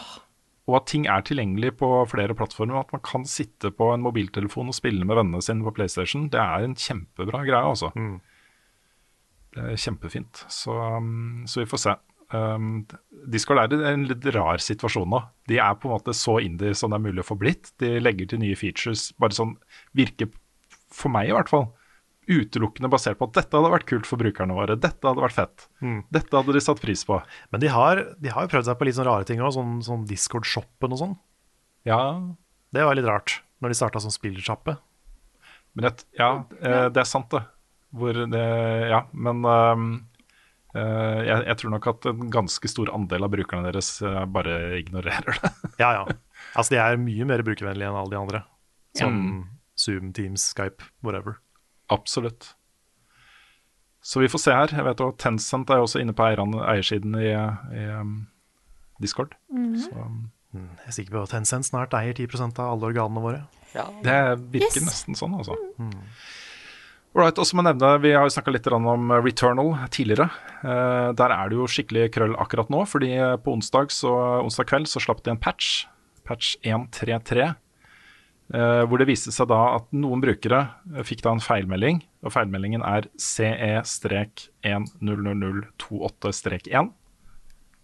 Noter deg det hvis det er den feilmeldingen du får opp. Og da har de gått ut nå på Twitter og sagt at uh, sorry, men hvis du har fått den feilmeldingen, så må du trolig bare reinstallere spillet. Så er liksom uh, progresjonen din er borte. Wow. Du må reinstallere spillet. Så de har, uh, de har rolla tilbake da, eh, den patchen og uh, re-uploada forrige patch, på en måte. Eh, sånn at det, det ikke skal skje nå. Men de har også sagt da at hvis du eh, For mange sitter jo og spiller dette spillet og setter jo konsollen i hvilemodus som en sånn derre um, uh, mellomlagringsfunksjon, for det kan det gjøre. Mm. Men hvis det da blir installert en patch mens den står i hvilemodus, for det er jo mange konsoller er satt opp til å gjøre det, så mister du den, det lagringspunktet, Uh, og da potensielt også liksom hele progresjonen din. Så um, vær obs, folkens. Det, det um, kan skje ting der. Mm. Det er ikke noe problem for meg, da, fordi mens jeg spilte Resident Evil, så måtte jeg ha konsollen min offline. den er fortsatt offline, så den patchen er ikke på min konsoll ennå. Men uh, dette, er, dette er jo ikke bra. Nei. Og Jeg vet jo at de har jo også sagt at For det er mange som ønsker seg mellomlagring i det spillet, og det skjønner jeg godt. Du kan ha runs på flere timer hvor uh, du har gjort uh, mye mer progresjon enn du har gjort uh, tidligere runs, uh, og kan da risikere å ikke kunne ta en mellomlagring hvis du skal gå og legge deg eller gå og spise eller må gjøre noe annet eller ikke orker å spille enda en time eller et eller annet. liksom. Så De sier at de ser på det. Det er mulig at det kommer en mulighet til å mellomlagre der. Da vil, det vil jo gjøre spillet sjukt mye lettere, da. Ja, For da det. kan du jo savescumme, ikke sant. Ja, hvis ikke du kjører en sånn her eh, Hva heter det, en sånn quick save, eller hva det er? Sånn som du kan save og så loade, men så ikke loade igjen. Ja, men det, Da må du endre hele strukturen til PlayStation. For det du gjør, er jo å sette opp at du ikke laster opp din save til eh, skyen automatisk. Ja, sånn, ja, men at du ja, gjør det kan, manuelt. Du kan misbruke cloud saves, ja. Mm. Nettopp. Det kan du jo litt i Souls og sånn også, egentlig. Det har jeg aldri gjort. Nei. Nei, men jeg har faktisk brukt det litt, fordi eh, det er noen av disse bossene som det er litt lengre å løpe til enn andre. Mm. Eh, og der, der har jeg no, noen ganger laga et sånn derre hard save da, i skyen, rett foran inngangsdøra til bossen, liksom. Bare så jeg slipper å løpe forbi alle de fiendene, for det tar noen minutter, ikke sant. Ja, Det har jeg faktisk ikke gjort, men jeg har tenkt at det er litt hassle å drive og uploade og downloade saves. Ja, på PlayStation 5 så tar det bare noen sekunder, for det er så kjapt. Ja, ja da er det lett å misbruke det. det er sånn. Men det hadde virkelig endra Returnal, altså, eh, hvis du hadde spilt det på den måten. Mm. For da hadde du jo ikke fått den der loopen, eh, potensielt. Da Da hadde du jo bare fullført spillet i én sitting, hvis du Ja. Men det er jo altså det, Da er jo det et valg også, da, at du velger å jukse. Mm. Mm. Du kan jo fint velge å ikke jukse også. Quick, quick, quick, quick, quick, quiz. For quiz er her, den kommer nå. Alle blir med, ja, store og små. Nick? Nå er jeg spent, for jeg hører snakk om at du har en quiz eh, på lager. Ja, fordi jeg har jo en quiz på lager. Det er konge. Mhm. I like Men, it. Det er en quiz som jeg egentlig lagde for eh, Jeg lagde den for noen måneder siden og glemte at jeg hadde den, egentlig. Eh, men så ble den plutselig litt aktuell, for jeg ble litt sånn jeg, I Returnal så ble jeg en trophy hunter. Ja. Jeg ville være først. Eh, og dette her er da en achievement quiz. Er det her. Nice. Ok. Skal vi ha penn og papir klart? Eh, Eller, eh, jeg, jeg, jeg har et scoreprogram her. ja, ok. Oi, Kult. ok. Eh, med et program som bare Lager de uh, garage-greiene til Nintendo, eller? Hell yeah. Yeah, yeah. Tidlig, tidlig kode.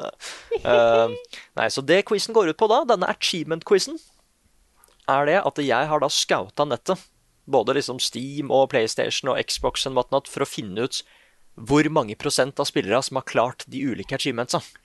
Det er kult. Ja. Så jobben deres da Og jeg kan si at dette her var for to-tre måneder siden, så noen av tallene er ikke 100% nøyaktig som det det var som det det er nå, kanskje. Noen kan ha forandra seg, men dette er det det var for noen måneder siden. Ja. Og det som er meningen da, er at dere skal gjette i prosent hva dere tror, og den som er nærmest, får et poeng. OK? Det her er kult. Ja. Og det er ikke lov til å gjette det samme tallet. Det må være Så forskjellig. pros prosent som har den achievementen. Ja, som har greid det. Mhm. Mm. Er det første førstemann til å svare, eller er det Nei, alle får muligheten. Nice. Ja. For, det, for det handler bare om hvem som er nærmest. Ok. okay Men så det, er ikke noe, det er ikke noe rekkefølge eller noe sånt som er viktig? Du kan bytte på rekkefølgen litt, da. Ja, det kan vi gjøre. Ok. Ok, men da setter vi i gang. Fordi den første liksom, delen da, det handler om start achievements. liksom det første achievementet du får i et spill. da. Mm. Mm. så det første spørsmålet er da, av prosent, liksom Hvor mange spillere fullførte det første oppdraget i Skyrim? Det første oppdraget. Ja, Så fullførte det, så får du en achievement, da. ja da får du et achievement. Det vil jo være liksom- en del. Ja, for det er den som slutter etter den edderkopphjula, er det ikke det? Ja, ja, det er liksom prologen, ja. Ja. Kommer deg ut av grotten. ja, det er der du får achievementen. Mm. Men Jeg tror det er mange som meg, da. Fordi jeg har jo kjøpt Skyrim på opptil flere plattformer. Ja. Ja. Starta det opptil flere ganger, men ikke fullført det første oppdraget. Aldri fullført det første oppdraget. Men telles det som en prosent hvis du har kjøpt det, men ikke spilt det? ja. Det gjør det, ja. Ja. Mm. Okay. Jeg måtte sjekke multiple sites, så hvis resultatet var litt forskjellig, så måtte jeg bare finne ut gjennomsnittet her, da. Men det er et tall her. 82. Du sier 82? Ja. Ok. Jeg var Jeg på sånn sier, 93 eh, før du begynte å si, overbevise meg om at det var lavere, Rune. Så 67. 67? Oi. Um, fordi det er så mange som har kjøpt Skyrim på så mange steder ikke sant, for å ha det. Ja. 75. Ok. Da er det poeng til Frida, fordi det er 98 dere. Oi! Det er såpass, da tror jeg det vil være forskjell fra plattform til plattform. Da er min påstand. Ja, for jeg sjekka forskjellige plattformer, Ja, og det var liksom gjennomsnittstallet. ok, Jeg tenkte, på, den, platt- jeg tenkte på den prosentandelen som er på kjøleskapversjonen, ja da. Ja, ja, Ja, ja. spesifikt. Ja. Poeng til Frida. Eh, andre spørsmål. Hvor mange spillere fullførte det første oppdraget i Assassin's Creed Odyssey? Det med The Hvor langt må du da? Det er liksom de, de første 15 minuttene, kanskje. Da kan jeg begynne, da. Den sier jeg 89 på. 89, ja. 95. 95, hæ? Ja, 92. 92. Ok. Da er det poeng til Frida igjen, for det er akkurat 92. Oh my Oi, god. oi, oi, oi, oi. Oh my god. Åh, endelig går det bra i en quiz! Det gjør det bra. ass. Men nå blir det vanskelig. Hvor mange spillere fullførte det første oppdraget i Red Dead Redemption 1? Som er en sånn halvtimes mission, kanskje? Nei, eller kanskje ikke det engang. 20 minutter ish. Du går fra toget, og så skjer det ting og tang. Fordi det handler rett og slett om hvor mange er det som har et spill de rett og slett bare ikke har spilt i det hele tatt. Mhm. Eller starta opp og tenkte bare mm, fuck no. Ja. Eh, Jeg sier 90 Jeg sier 95 igjen. 95 igjen. Mm. OK. 89. 92. 92. OK. Da er det Carl som får poeng, for det er 96 Oi! Åh, ja, fordi Vet du hvorfor jeg sa det? Ja. Det er fordi Red Dead 1 er jo ikke på PC, så det har aldri vært på Steam Summer Sale. Derfor så er det sikkert høyere, ikke sant? Du Men tenkte de sånn, tallene er jo ikke kobla til hverandre, da. Hverandre. Nei, altså, um, det påvirker ikke Det påvirker ikke Også hvis da uh, det hadde påvirka tallet, og Nick hadde sjekka Steam, så hadde det vært et helt annet tall enn det hadde vært på PlayStation, f.eks. Ja, men det tar jo gjennomsnittet. Mm. Og du tar gjennomsnittet, ja? Ok, Ja. ok, ok, da det, det glemte jeg. Men, det, var litt ja, trøtt. men det var clever, Carl. I used my brain machine. Ok, Men hvor mange tente sitt første bonfire i Dark Souls 3? Og da må du gjennom en boss først. Mm, uh, 71. Nei, det må du ikke. Må du ikke det? Nei, det, det er én bonfire før bossen. Er det det, altså? Ja. Ja, det stemmer det. Det er bare oppå uh, haugen. Ja, så klart det er det! Da er det 78. 78. Ja. Ok, Um, uh, 77. 77. Jeg sitter høyt. Sier 82. Skule. Og du sier Hva sa du? 82? 82. Ok. Da er det Carl igjen, fordi det er 92 Yes! Er det så mange? Ja, for det er bare noen Wow. sånne små trash-fiender der. Ja. Ja. Men, ja, det er sant, det. men neste spørsmål, da, det siste av startspørsmålet Men hvor mange tente sitt første bonfire i Dark Souls 1? Da må du til Firelink Shrine, må du ikke det? Nei, Nei. Det, det er et bonfire før, men dette var jo i den æraen der spill ikke pleide å være så vanskelig. Så hvor mange klarte faktisk å komme seg dit? Ja, Men hvor er den? skal, De skal jo bare gjennom trash mobs der også. Mm. Det, det er jo rett før den uh, bossen du kan løpe forbi. Ja, for spørsmålet er, er det den er det, Hvis det er før den bossen Det er før bossen. Det er før bossen. 96. 96. 92. 92. 94. 94. Da er det Frida som er nærmest, for det er 70% 70% 70% Hva i all verden? Nei, Det er noen ganske Da- tøffe trash mobs. Da er du dårlig i Dark Souls hvis ikke du kommer deg forbi de der små De gjør jo ikke noe. Ja, men vi, Her må det være lov med litt shaming, altså. ja, det, det, det, Ja, der er eh, Det er nesten lov å si gitt gud, men det, det må være folk som ikke har spilt det. De må jo ikke ha åpna det engang. Mm. Men vi speeder opp litt her, så det går litt fortere. Fordi nå er vi kommet kommet til delen som heter veggen. Som vil si at det er et visst sted i et spill der folk plutselig kan stange, og noen gir seg. Så nå her er nok tallet litt lavere enn det det var på de andre. Uh, og den første er da I Red Dead Redemption 2 så fullførte 87% av spillere kapittel 1. Men hvor mange fullførte kapittel 2? Oi. For det er langt. Ja. Og det er 87 du sa? Ja, 87 fullførte kapittel 1. Men hvor Mm. mange fullførte kapittel 2? 71. 71. 56. 56. 48. 48. Da er Frida nærmest. Fordi Wow. det var 60 poeng. Det var Eller 60, ja? 60 stykker. Men da får jeg 60 poeng, var det ikke det du sa? Jo, Nei, jeg, jeg, var jeg, sa, jeg sa feil. Ja. Jeg sa feil. Så sjenerøs er jeg ikke, altså. Ok, neste. I Sekiro så blir det sagt at den største veggen i spillet er bosskapen til Genishiro. Hvor mange klarte han? Han på toppen av tårnet? 30% 30% Det er kanskje høyt. Ah, 58. 58 Hva sa du? Du sa 30, Carl? Mm. For det er nok en del som meg, altså, som har spilt en del, men ikke spilt veldig langt. Ja, Så jeg sier 27. du sier 27. Ok, da, Under, undercut. ja, da er Rune nærmest, for det er 56 Å, endelig et poeng på meg! Ja, Endelig poeng på meg. fikk du et poeng. Ok, men i Dark Souls 1 så blir det sagt at den største veggen i spillet er bosskampen til Ornstein og Smaug. Hvor mange har klart den fighten?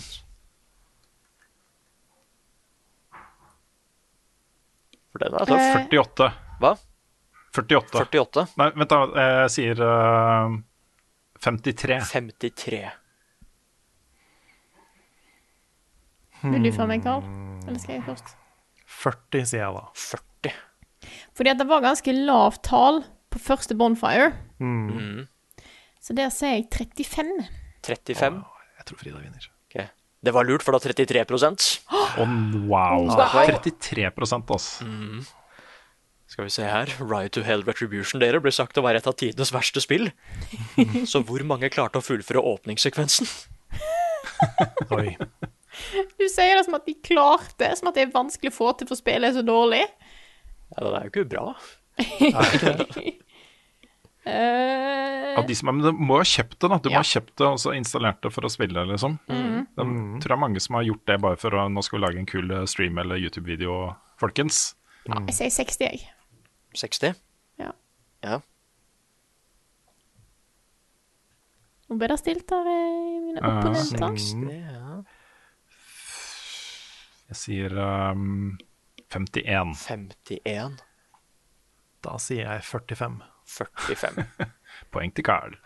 Nei, det er Frida igjen, for det er 90 Oh De my god. 90 Det er 90 som har greid det. Jeg kan ikke tro Ja, det, ikke sant? det er Men det var liksom inne på det. Ja. Men den største veggen, eller den siste store veggen akkurat nå, i spillet Getting Over It. Hvor Ja. mange got over it? Fullførte spillet, altså. Oi. 2 2 Jeg hadde litt lyst til å si eh, Jeg sier jeg Ja, for En. jeg hadde lyst til å si tre. OK? 1, 2 og 3, det er jo to, kjempekult. Ja. Ja. Mm. Men da er det Frida igjen, for det er 6% som har greid det. Herregud. Er det så mange som har kommet seg til? Ja, det er flere enn jeg trodde. altså. Ja. Ja. Is it da? Jeg har ikke klart det. Nei, ikke Jeg er ikke i nærheten engang. Men da er vi i den siste delen, altså. Og den heter random. Da er det Nice. random achievements rundt omkring. Og da handler det om å finne ut hvem som har fått dem. Ok. Ok, og det første I Simpsons The Game så er det et achievement som heter Press Start to Play. Hvor mange greide du? 100% 100 Nei, vent da, 99% 98% 98% ja. Det høres ut som en sånn achievement som er eh, når du starter opp. Men jeg vil tippe at det er en eller annen random ting. Så jeg sier 30. 30, OK. Ja. 95% 95% OK. Da fikk Rune akkurat poeng, for det er 97 Åh. Ja. Så da er det poeng til deg. Så det er, det er noen som ikke har greid det med nå. Ok, Hvor mange har kutta ned et tre i Terraria? Eh, 97. 97 100. 100% 95. 95. Okay, Da er Carl nærmest, for det er 83% Men du kan jo, What? du må jo kutte ned et tre i terraria. Nei, du må tydeligvis ikke det, da. Det er det. Kanskje, kanskje du freeloader på noen andre som spiller, ikke sant? Men nå kommer det morsomt. Men hvor mange har klart å spille Quiplash med åtte spillere? Åh, Ja. da er nok ikke kjempemange, vil jeg tippe. 27. 27, 42. 42 Hmm. Oi. 20% 20 Ok, Da er det Frida som får poeng. Det er 40% som er greia. det. Oi, oi, oi. Oi, er oi. ganske mye mer enn det jeg trodde det skulle være, faktisk. Ja, det Mm. Mhm. Ok, Hvor mange har sitt eget hus i Skyrim? Oi. Da tror jeg ikke nødvendigvis det er kjempemange, men jeg tror på en måte du har Jeg tror det er avhengig av på en måte, hvor mange som har fullført spillet òg. Ja. Jeg tror den er veldig lik. Men jeg vet jo ikke hva den er, da. Så Ja, for du må, må du fullføre spillet for å bygge eget hus? Nei, Så historien? Men jeg vil tippe at hvis du først har fullført den, så er du på en måte ja, du, må, Engasjert du må litt ut i spillet for å få ditt eget hus. Mm. 57. 57.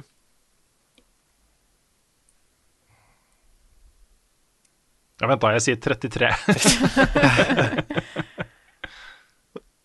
Skal du, Carl?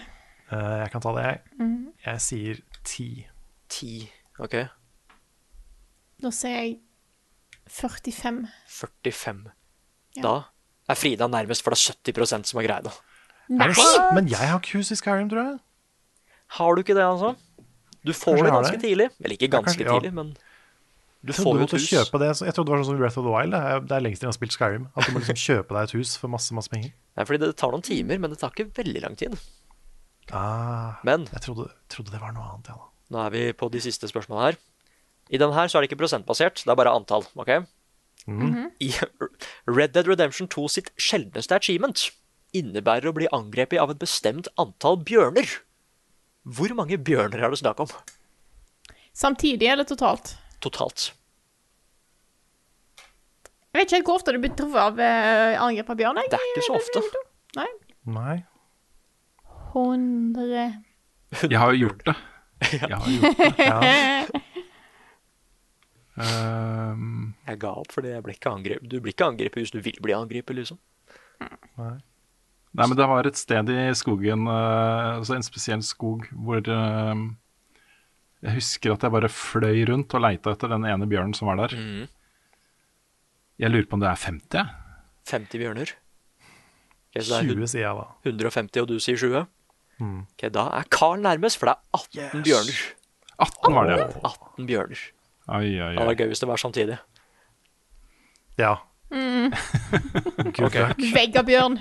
En vegg av bjørn. Men nå, den her. Hvis vi snakker prosent, hvor mange har dødd i Dark Souls 2? For det er et achievement å dø i Dark Souls 2. Så hvor mange har dødd i Dark Souls 2? Det er ekvivalent til hvor mange som har åpna spillet, tror jeg. Ja, det er det samme, det er det samme tallet. Ja. 92. 92? Ta Frida sitt tall, jeg. 89. 89? 95. 95.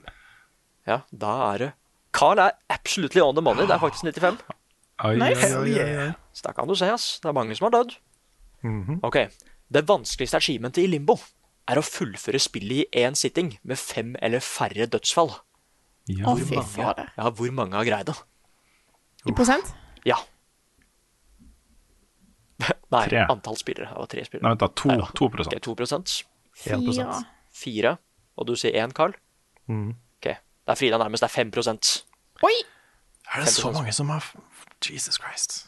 Ok. Er Det er det som er tingen. Det er en ting jeg har oppdaga når jeg, jeg har også kikka og sett litt på eh, prosentandeler på um, trophies og sånne ting. Og i mange av disse spillene så er det sånn at ok, bare du kommer over en viss terskel der og får den ene achievementen her, eller ene trophy her, så er det forbausende høy andel av de igjen, da, som får også, også de vanskeligste. Det er litt, uh, litt kult å, å se på. Mm. Ok, neste.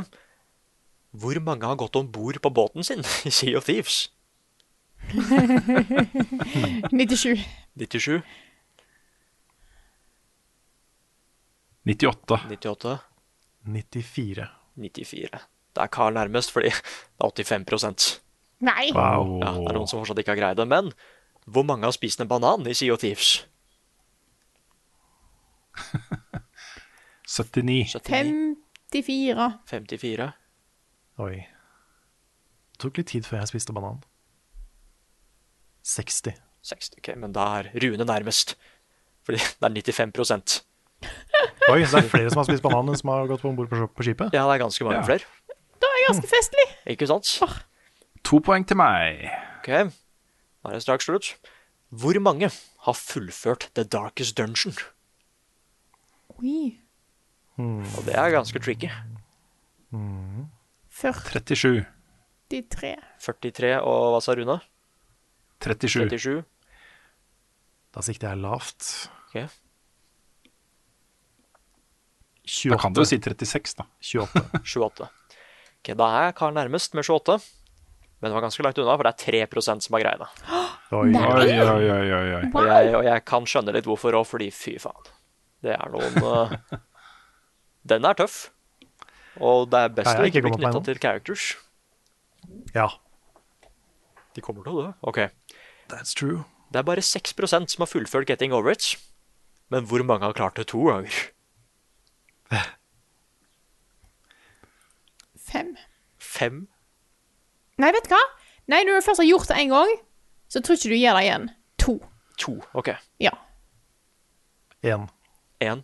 Null. Null. Jeg kan, jeg kan si at det ikke er null. Du kan ta et eh, Det er ingen her som er null. Å nei. Um, det var det du sa, Frida. Én? To. To. To, og du sa Én. én.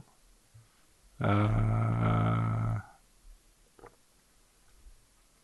én. Ja, vi kan, vi kan si det, at det er lov å ta samme tall. Ok, Men da er det Frida som vinner, fordi det er 4% som har greid det. Hei! What the hell? Hva er det som skjer, liksom? Hvem er disse folka? Ja, hvem er de folka som gjør det to ganger? Ja. Men dere, Speedrunners. eh, nå har jeg lest opp to achievements til Getting Over It. Ja. Men hvor mange ganger, og nå går vi for antall ganger, hvor mange ganger må du fullføre det for å få det tredje og siste achievementet? Hvor mange ganger må du faktisk get over it for å få det siste achievementet? Ti. 10? 20. 20? Jeg også hadde tenkt å si 10. Ja. Um, si 15, da. 15? Ok, da er det Frida igjen. Fordi, hør her, du må greie det 50 ganger. 50! What the hell? Og det er vel det siste du gjør, har jeg hørt. Ja. Jeg har hørt det er vanskelig. Og da er det det siste spørsmålet, dere. Kanskje det viktigste spørsmålet, særlig for oss, da. Ok? I Civilization 6, hvor mange har vunnet med Norge? Norge! Ja, hvor mange har faktisk brukt Norge og vunnet med Norge? 9% 9% Ja.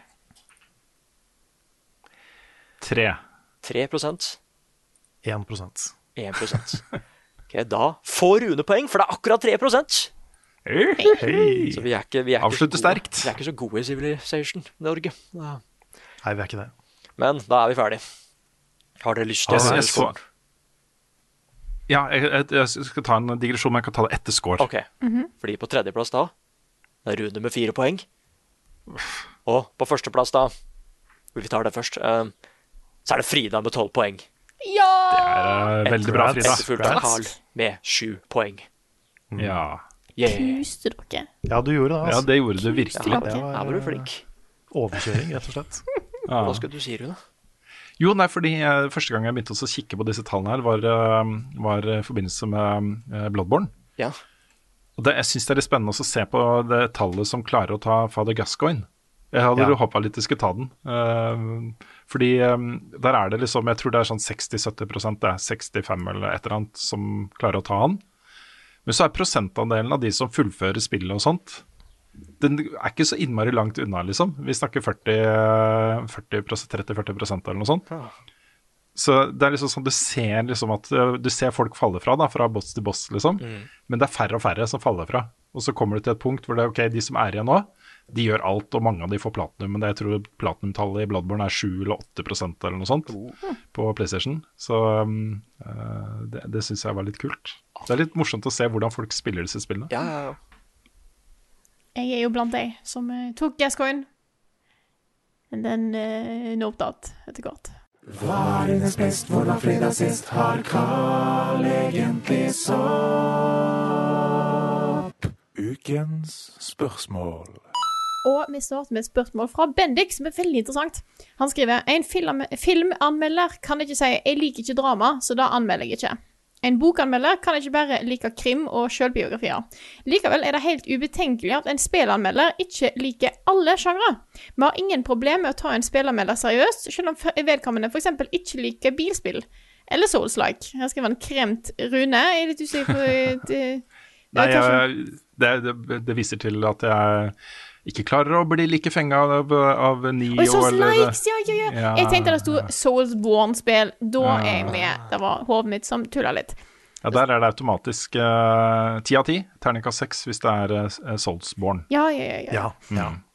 Og han skriver her Sånn bør det jo òg være, men hvorfor er det sånn, tror dere? Jeg, jeg kan bare begynne med det første påstanden hans, egentlig. Fordi uh, når han sier da at en, fi en filmanmelder ikke kan si 'jeg liker ikke drama', så det anmelder jeg ikke. Jeg mener jo at det burde være mer uh, av sånn som det er i spill, også for andre medier. Jeg syns det er noe av det mest tåpelige jeg ser, er når du ser folk som hater lettbent action. Anmelde Marvel-filmer, f.eks. Det er jo bare tull. Det er, du, du gjør jo ingen noen tjenester i det hele tatt uh, ved å lage en anmeldelse da. Du bør, jeg mener at du bør ha eh, i hvert fall noen favoritter da, innenfor den sjangeren som du an anmelder i. ja. At du, ikke sant? Du bør være en representant for publikum, også selv om du skal liksom også være kritiker og se på verk og alle disse tingene her. Mm. Så bør du også være en representant for publikum eh, når det gjelder film, mener jeg da. Ja. Jeg tenker det, kanskje det viktigste er kunnskap mer enn interesse, på en måte. At du, at du vet hva en Marvel-film prøver å være. Du skjønner at ikke den prøver å være liksom en eh, fransk kunstfilm. Ja. Um, men når det kommer til spill, da, så tror jeg det har litt å gjøre med at spill er så lange, som igjen fører til at du trenger større redaksjoner for å dekke alle sammen. Og da er det veldig naturlig å liksom bare at noen peiler seg inn på noen sjangere. Fordi det er de sjangerne de kan mest om. Og så handler spill òg Altså, spill er Nå sier jeg ikke at film ikke er forskjellige, men spill er veldig forskjellige i måten de opp... De, på en måte, du som person går igjennom de på fysisk. Eh, og sånne ting. Jeg er ikke så god på strategispill, for det er ikke sånn hjernen min funker. uh, blant annet. Mm. Jeg husker eh, Yukato hadde jo en sånn Troll og Loll-spalte for dette her for en del år siden. Uh, eller om han snakka om det et annet sted, det husker jeg ikke i farta.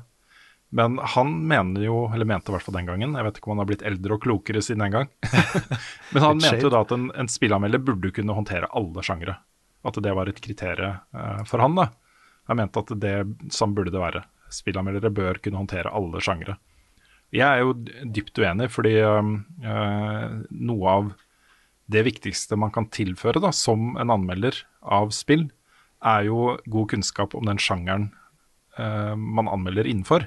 At man kan trekke noen linjer og sammenligne dette spillet med andre spill, andre viktige spill fra den sjangeren fra tidligere, øh, og se hvor man har henta inspirasjon fra, og eh, hvordan den løser ting kontra andre spill i, i samme sjanger. da. Eh, og det er vanskelig å få til, uh, den dybdeforståelsen av en sjanger, hvis man er, sprer seg for bredt utover for, for mange sjangere. Ja, og så er det jo forskjell på kan og burde, da, på en måte. Fordi alle vi fire kunne anmeldt Fifa, Ja da. men det hadde ikke blitt en bra anmeldelse fordi vi vet ikke hva vi snakker om, på en måte. Nei, det er da. Så det er det som er forskjellen. Ja, og så er vi litt tilbake til, eh, til eh, åpningsargumentet mitt. Eh, jo mindre man kan om en sjanger fra før, og jo mindre man på en måte forstår den, jo mindre relevant er min mening om den. Altså Ja. Min mening om et hardcore RTS-spill er helt irrelevant, mener jeg. da. Det har ingenting å si. Kun, det har kun noe å si for de som er i min situasjon, som ikke spiller den sjangeren selv. ikke sant? Mm. det, er, det, det er et eh, klart skille der, altså. Ja, ja, det er liksom Det føles litt som å sette meg til å dømme en balletturnering. Mm. Sånn, Balletturnering? Ja, ja, sånn, ja det, det var noe De drev og beveget seg rundt, og det var kult å se på, men jeg vet ikke hvem som var best. Nei, sånn, ja. ja det... Det hadde blitt den der kommentatorboksen til Ja. eh, NRK. Ja, så Der var det noen spinn, og det var jøss, åssen klarte å stå sånn? Det var rart. Det hadde ikke jeg klart. Det hadde ikke jeg klart. Nei, jeg prøvde det en gang, det var vondt. Ja. Så eh, Nei, men jeg, jeg tenker at liksom interesse og favorittsjanger og sånn, det er én ting, men det, det viktigste er liksom kunnskapen om sjangerne Mm. man anmelder. Mm. Ja. Og det er lettere å dekke bredere med film, fordi filmer er over på et par timer. Mm. Så du, du Ja, det er se- også et viktig, viktig poeng, da. Du rekker å se mye mer film. Mm. Det Yes. er sant. Yeah. Har vi et spørsmål til? På leien? Jeg har et fra um, Scene4, så jeg vet ikke om vi skal kjøre teamlåt og det hele. Just give me a sec. Skal vi se her, eh, Hvis vi bare kan ståle litt. Rann. Ja Ja, da. hvis noen har et annet spørsmål vi kan ta i mellomtiden, så Ja, skal vi se hva jeg har på er laget det her, da? muligheter for det. Nå har vi ståla nok, faktisk. Ja, men så greit. Ja. Ukens Sin4. Nordmenn er gode på ski, og det er tydelig hver vinter eh, at vi har noe i skisporet, hoppbakken eller slalåmbakken å gjøre. Men vi har også gode utøvere i e-sport, og i flere grener, men føler fortsatt at disse ikke kommer fram i lyset. De aller fleste nettaviser gir god, gir god dekning til enkeltsportsutøvere, fotballspillere, håndballspillere, sjakkspiller, parentes E. Men burde ikke utøvere i e-sport få minst like mye oppmerksomhet på lik linje som andre sportsutøvere? Hva skal til for at e-sport blir mer synlig for hvermannsen? Godt spørsmål fra Trond eh, der. Og um, her eh, vil jeg bare trekke fram at vi plutselig så Dennis på Farmen. Ja. Og sånne ting, liksom. Og så plutselig så begynte en del av de YouTube-personlighetene våre, MC-a og sånt, å dukke opp i på en måte litt sånn bredere kultursammenheng, da, eh, på TV. Og jeg tror det samme kommer til å skje med e-sportutøvere. Um, I starten litt sånn som uh, uh, Visste du at uh, Nyrox er verdensmester i Fortnite? Men klarer han salsa? Ja. Tjener Altså, penger på å spille dataspill på gutterommet. Ja, at det blir litt den der, liksom. Men øh, jeg, jeg vet jo hvor øh, glad øh, norske medier er i nordmenn som har suksess i det store utlandet og blir verdens beste og sånne ting. Yes. Så med en gang det begynner å skje, da, og det begynner å få litt oppmerksomhet, så kommer de til å dukke opp øh, Firestjerners middag og Farmen og for, for da, sånne ting også. Det jeg tenker på, er da at nordmenn har gang på gang vist at de kan bli jæklig interessert i rare ting så lenge vi har nordmenn som er flinke i det. Ja. Det var Ja, ingen som brydde seg om curling Nei! Nei. før det skjedde. Det var ingen som hadde tenkt på at fekting var en sport. Mm. Før den ene var det OL, der vi hadde en norsk utøver, og alle plutselig så på fekting. Så har ingen sett på fekting etterpå. Nei, Nei. Så, det er sant. så lenge vi har noen som er flinke, så har nordmenn en, en for Nordmenn er eh, Nordmenn er gode, og da er nordmenn glad i å se på andre nordmenn være gode. Det er på en måte veldig innebygd i oss, tror jeg. Så Ski- Skiskyting er en rar sport. det er en veldig rar blanding av ting. Det er det. Men vi er gode på det. Ja, ja, ja. ja. Nei, så, så jeg, tror, eh, jeg tror vi bare får liksom Du må få noen, en eller noen, et par eh, som kanskje er litt ekstra karismatiske, som er med i en, en e-sport-grein som er enkel å forstå, typ CS eller sånne ting, da. Eh, eller kanskje det blir for voldelig for eh, Rocket League. Kanskje. Eh, som, blir, som da blir store og skal i en eller annen stor turnering. Da kan det plutselig begynne å komme litt, tenker jeg. Og da får du også har- med på kjøpet alle de kronikkene om at 'jeg skjønner ikke hva dette er for noe', så jeg liker det ikke. Ja, ja, ja. Yeah. Ja, men vi har jo noen sanne utøvere. da. Vi har jo folk som spiller for Face og Liquid og eh, ting og tang der ute, og er blant verdens beste innenfor CS og andre, andre spill. Vi har jo verdensmester i Hearthstone, verdensmester i Fortnite, så vi har jo noen enkeltutøvere som, som um, er veldig gode internasjonalt. Men de, jeg opplever at det ikke er så tilgjengelig. Det er ikke så lett å få tak i de, det er ikke så lett å liksom forstå at dette er stort uh, for den jevne norske uh, generelle redaksjonen. da. Så eh, vi må først få litt mer sånn trøkk, tenker jeg, på de prestasjonene. Mm. Når um, Rain liksom gjør det kjempebra, og laget hans gjør det kjempebra i en CS-turnering, at det står litt om det i avisene. Mm. At det kommer på en måte Folk får med seg da at disse folkene her eh, eh, presterer på øverste nivå liksom internasjonalt. Og ikke bare den der tjente x antall millioner, men at dette er liksom prestasjoner som um, eh, det står respekt av. da Mm. så, så tenker jeg at det kommer til å løsne litt. Og jeg ser jo at det, eh, med den profesjonaliseringa som gjøres nå, med både eh, prosjektet til eh, Joakim Haraldsen um, og uh, opprustningen av Nordavind og Apex og de andre norske klubbene som begynner å bli ganske proffe og store og profesjonelle, liksom. De, eh, det kommer til å ha en effekt på akkurat det. Det er jeg helt sikker på. Mm. Det er litt lettere å på en måte trekke fram eh, utøvere, e-sportutøvere, når de kommer fra en organisasjon med lagledere og trenere og kostholdsprogram og sponsorer og eh, ikke minst da, seire i store turneringer mot verdens beste lag og sånne ting. Da begynner på en måte det å bli såpass mye tyngde bak det at eh, ok, man skjønner at dette må vi jo bare dekke. Ja. Og så er det jo såpass mange voksne folk akkurat nå som ikke er interessert, og noen ganger litt sånn demonstrativt ikke interessert i spill. Mm. Så det er jo en generasjonsting også. At Mm. eh, Ja, ja. holdt på å si når, når, når noen dauer, så kommer andre inn, og så, og så blir man mer vant til spill. Ja, det er helt sant. Det er helt sant. Men vi må få opp uh, den generelle dekningen av spill i uh, massemediene våre, altså. Det er, um, uh, NRK er jo dødsflinke. De har Ja. henta inn så kul anmelder som så flink til å anmelde spill og sånt. Mm. Men flere må gjøre det, da. Ja, flere må gjøre det. Men jeg Det syns NRK har hatt en del gode saker om spill. Som ikke bare er dine altså. anmeldelser. Så jeg syns NRK egentlig har blitt ganske flinke på det. Ja, det er jo eh, litt opp og ned, selvfølgelig. Men eh, når de først eh, gjør ting der, så, så er det veldig bra. Jeg opplever det som en veldig sånn nysgjerrighet hos, i alle ledd for spill som kulturuttrykk. Og det er um, utrolig deilig å oppleve det, altså. Det er ikke at det var ille i VG. Vi fikk jo lov til å holde på med de tingene vi gjorde Um, lenge, liksom. Og hadde um, mye støtte da, i, i VG. Men eh, det, i den generelle nyhetsorganisasjonen så var jo ikke spill noe som var i bevisstheten til folk.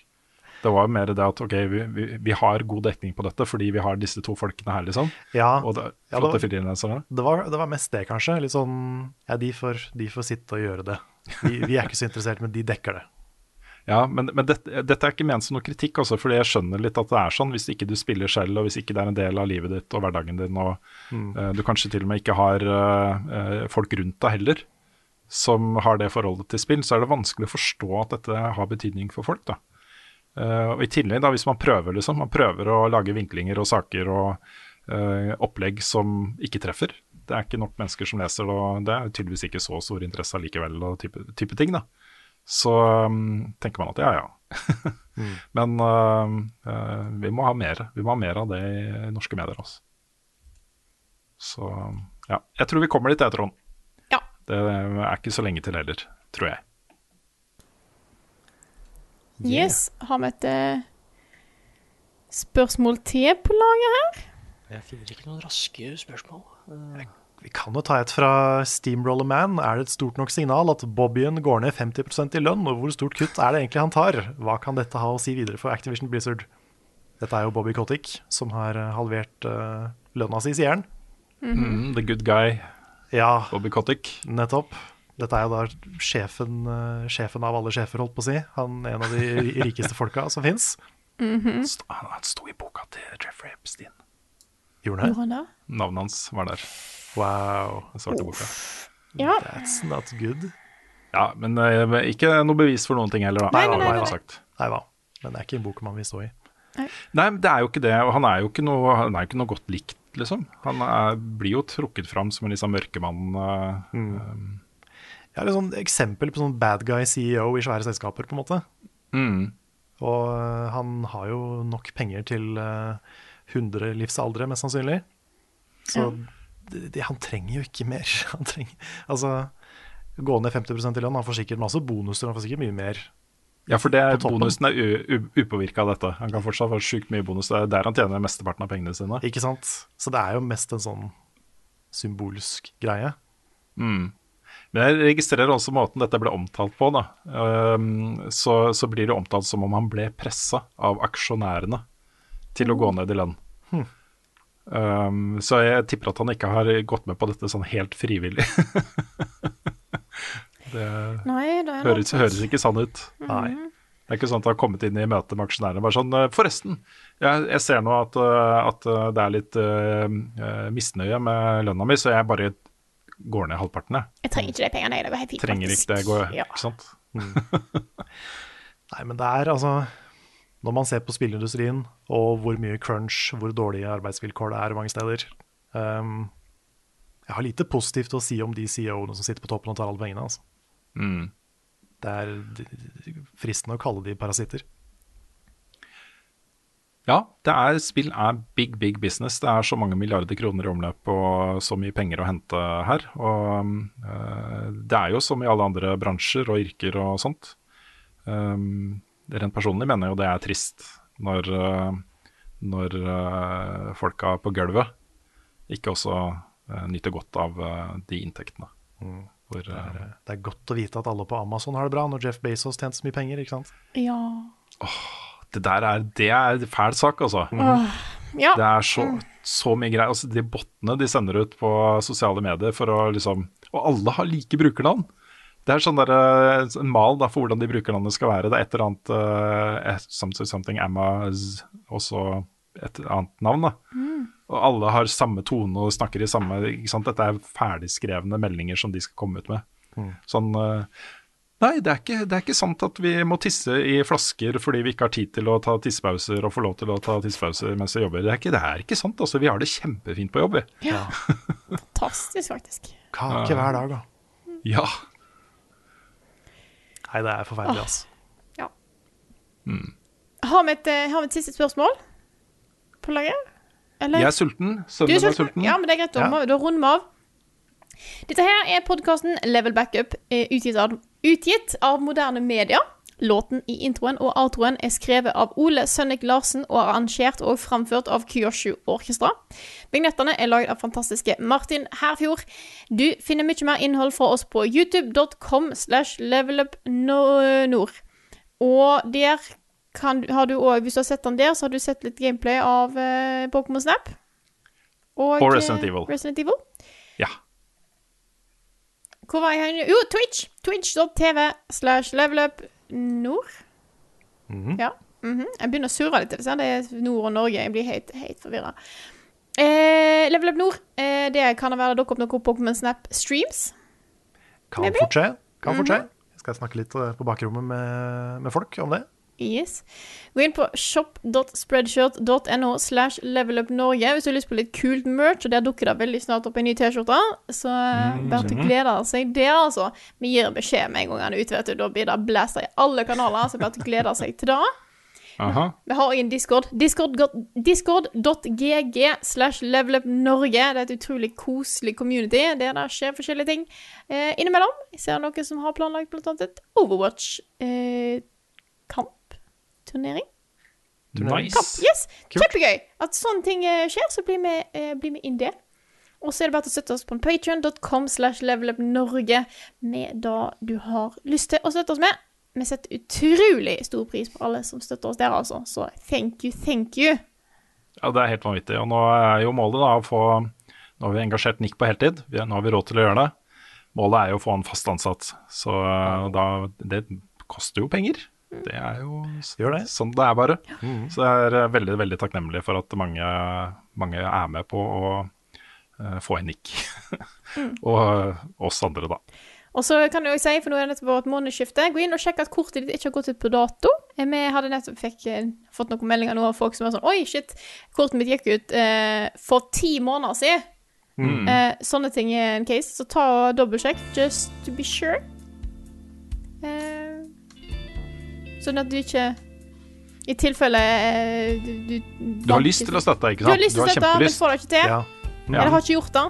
Yes. Mm. Ja, fordi Noen ganger så er Patreon teit òg. Noen ganger så bare blir det rejected uten grunn. Ja. Ja. Men i hvert fall, da tar vi runde av. Eh, tusen takk til alle som har hørt på. Og ja, så snakkes vi igjen neste uke.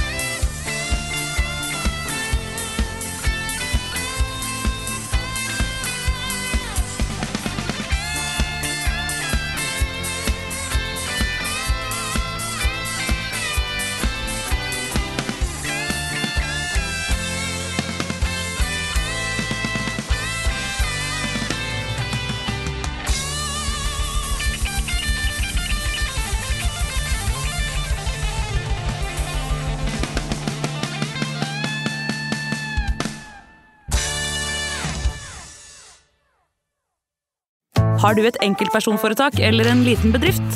Da er du sikkert lei av å høre meg snakke om hvor enkelt det er med kvitteringer og bilag i fiken, så vi eh, gir oss her, vi. Fordi vi liker enkelt. Fiken superenkelt regnskap.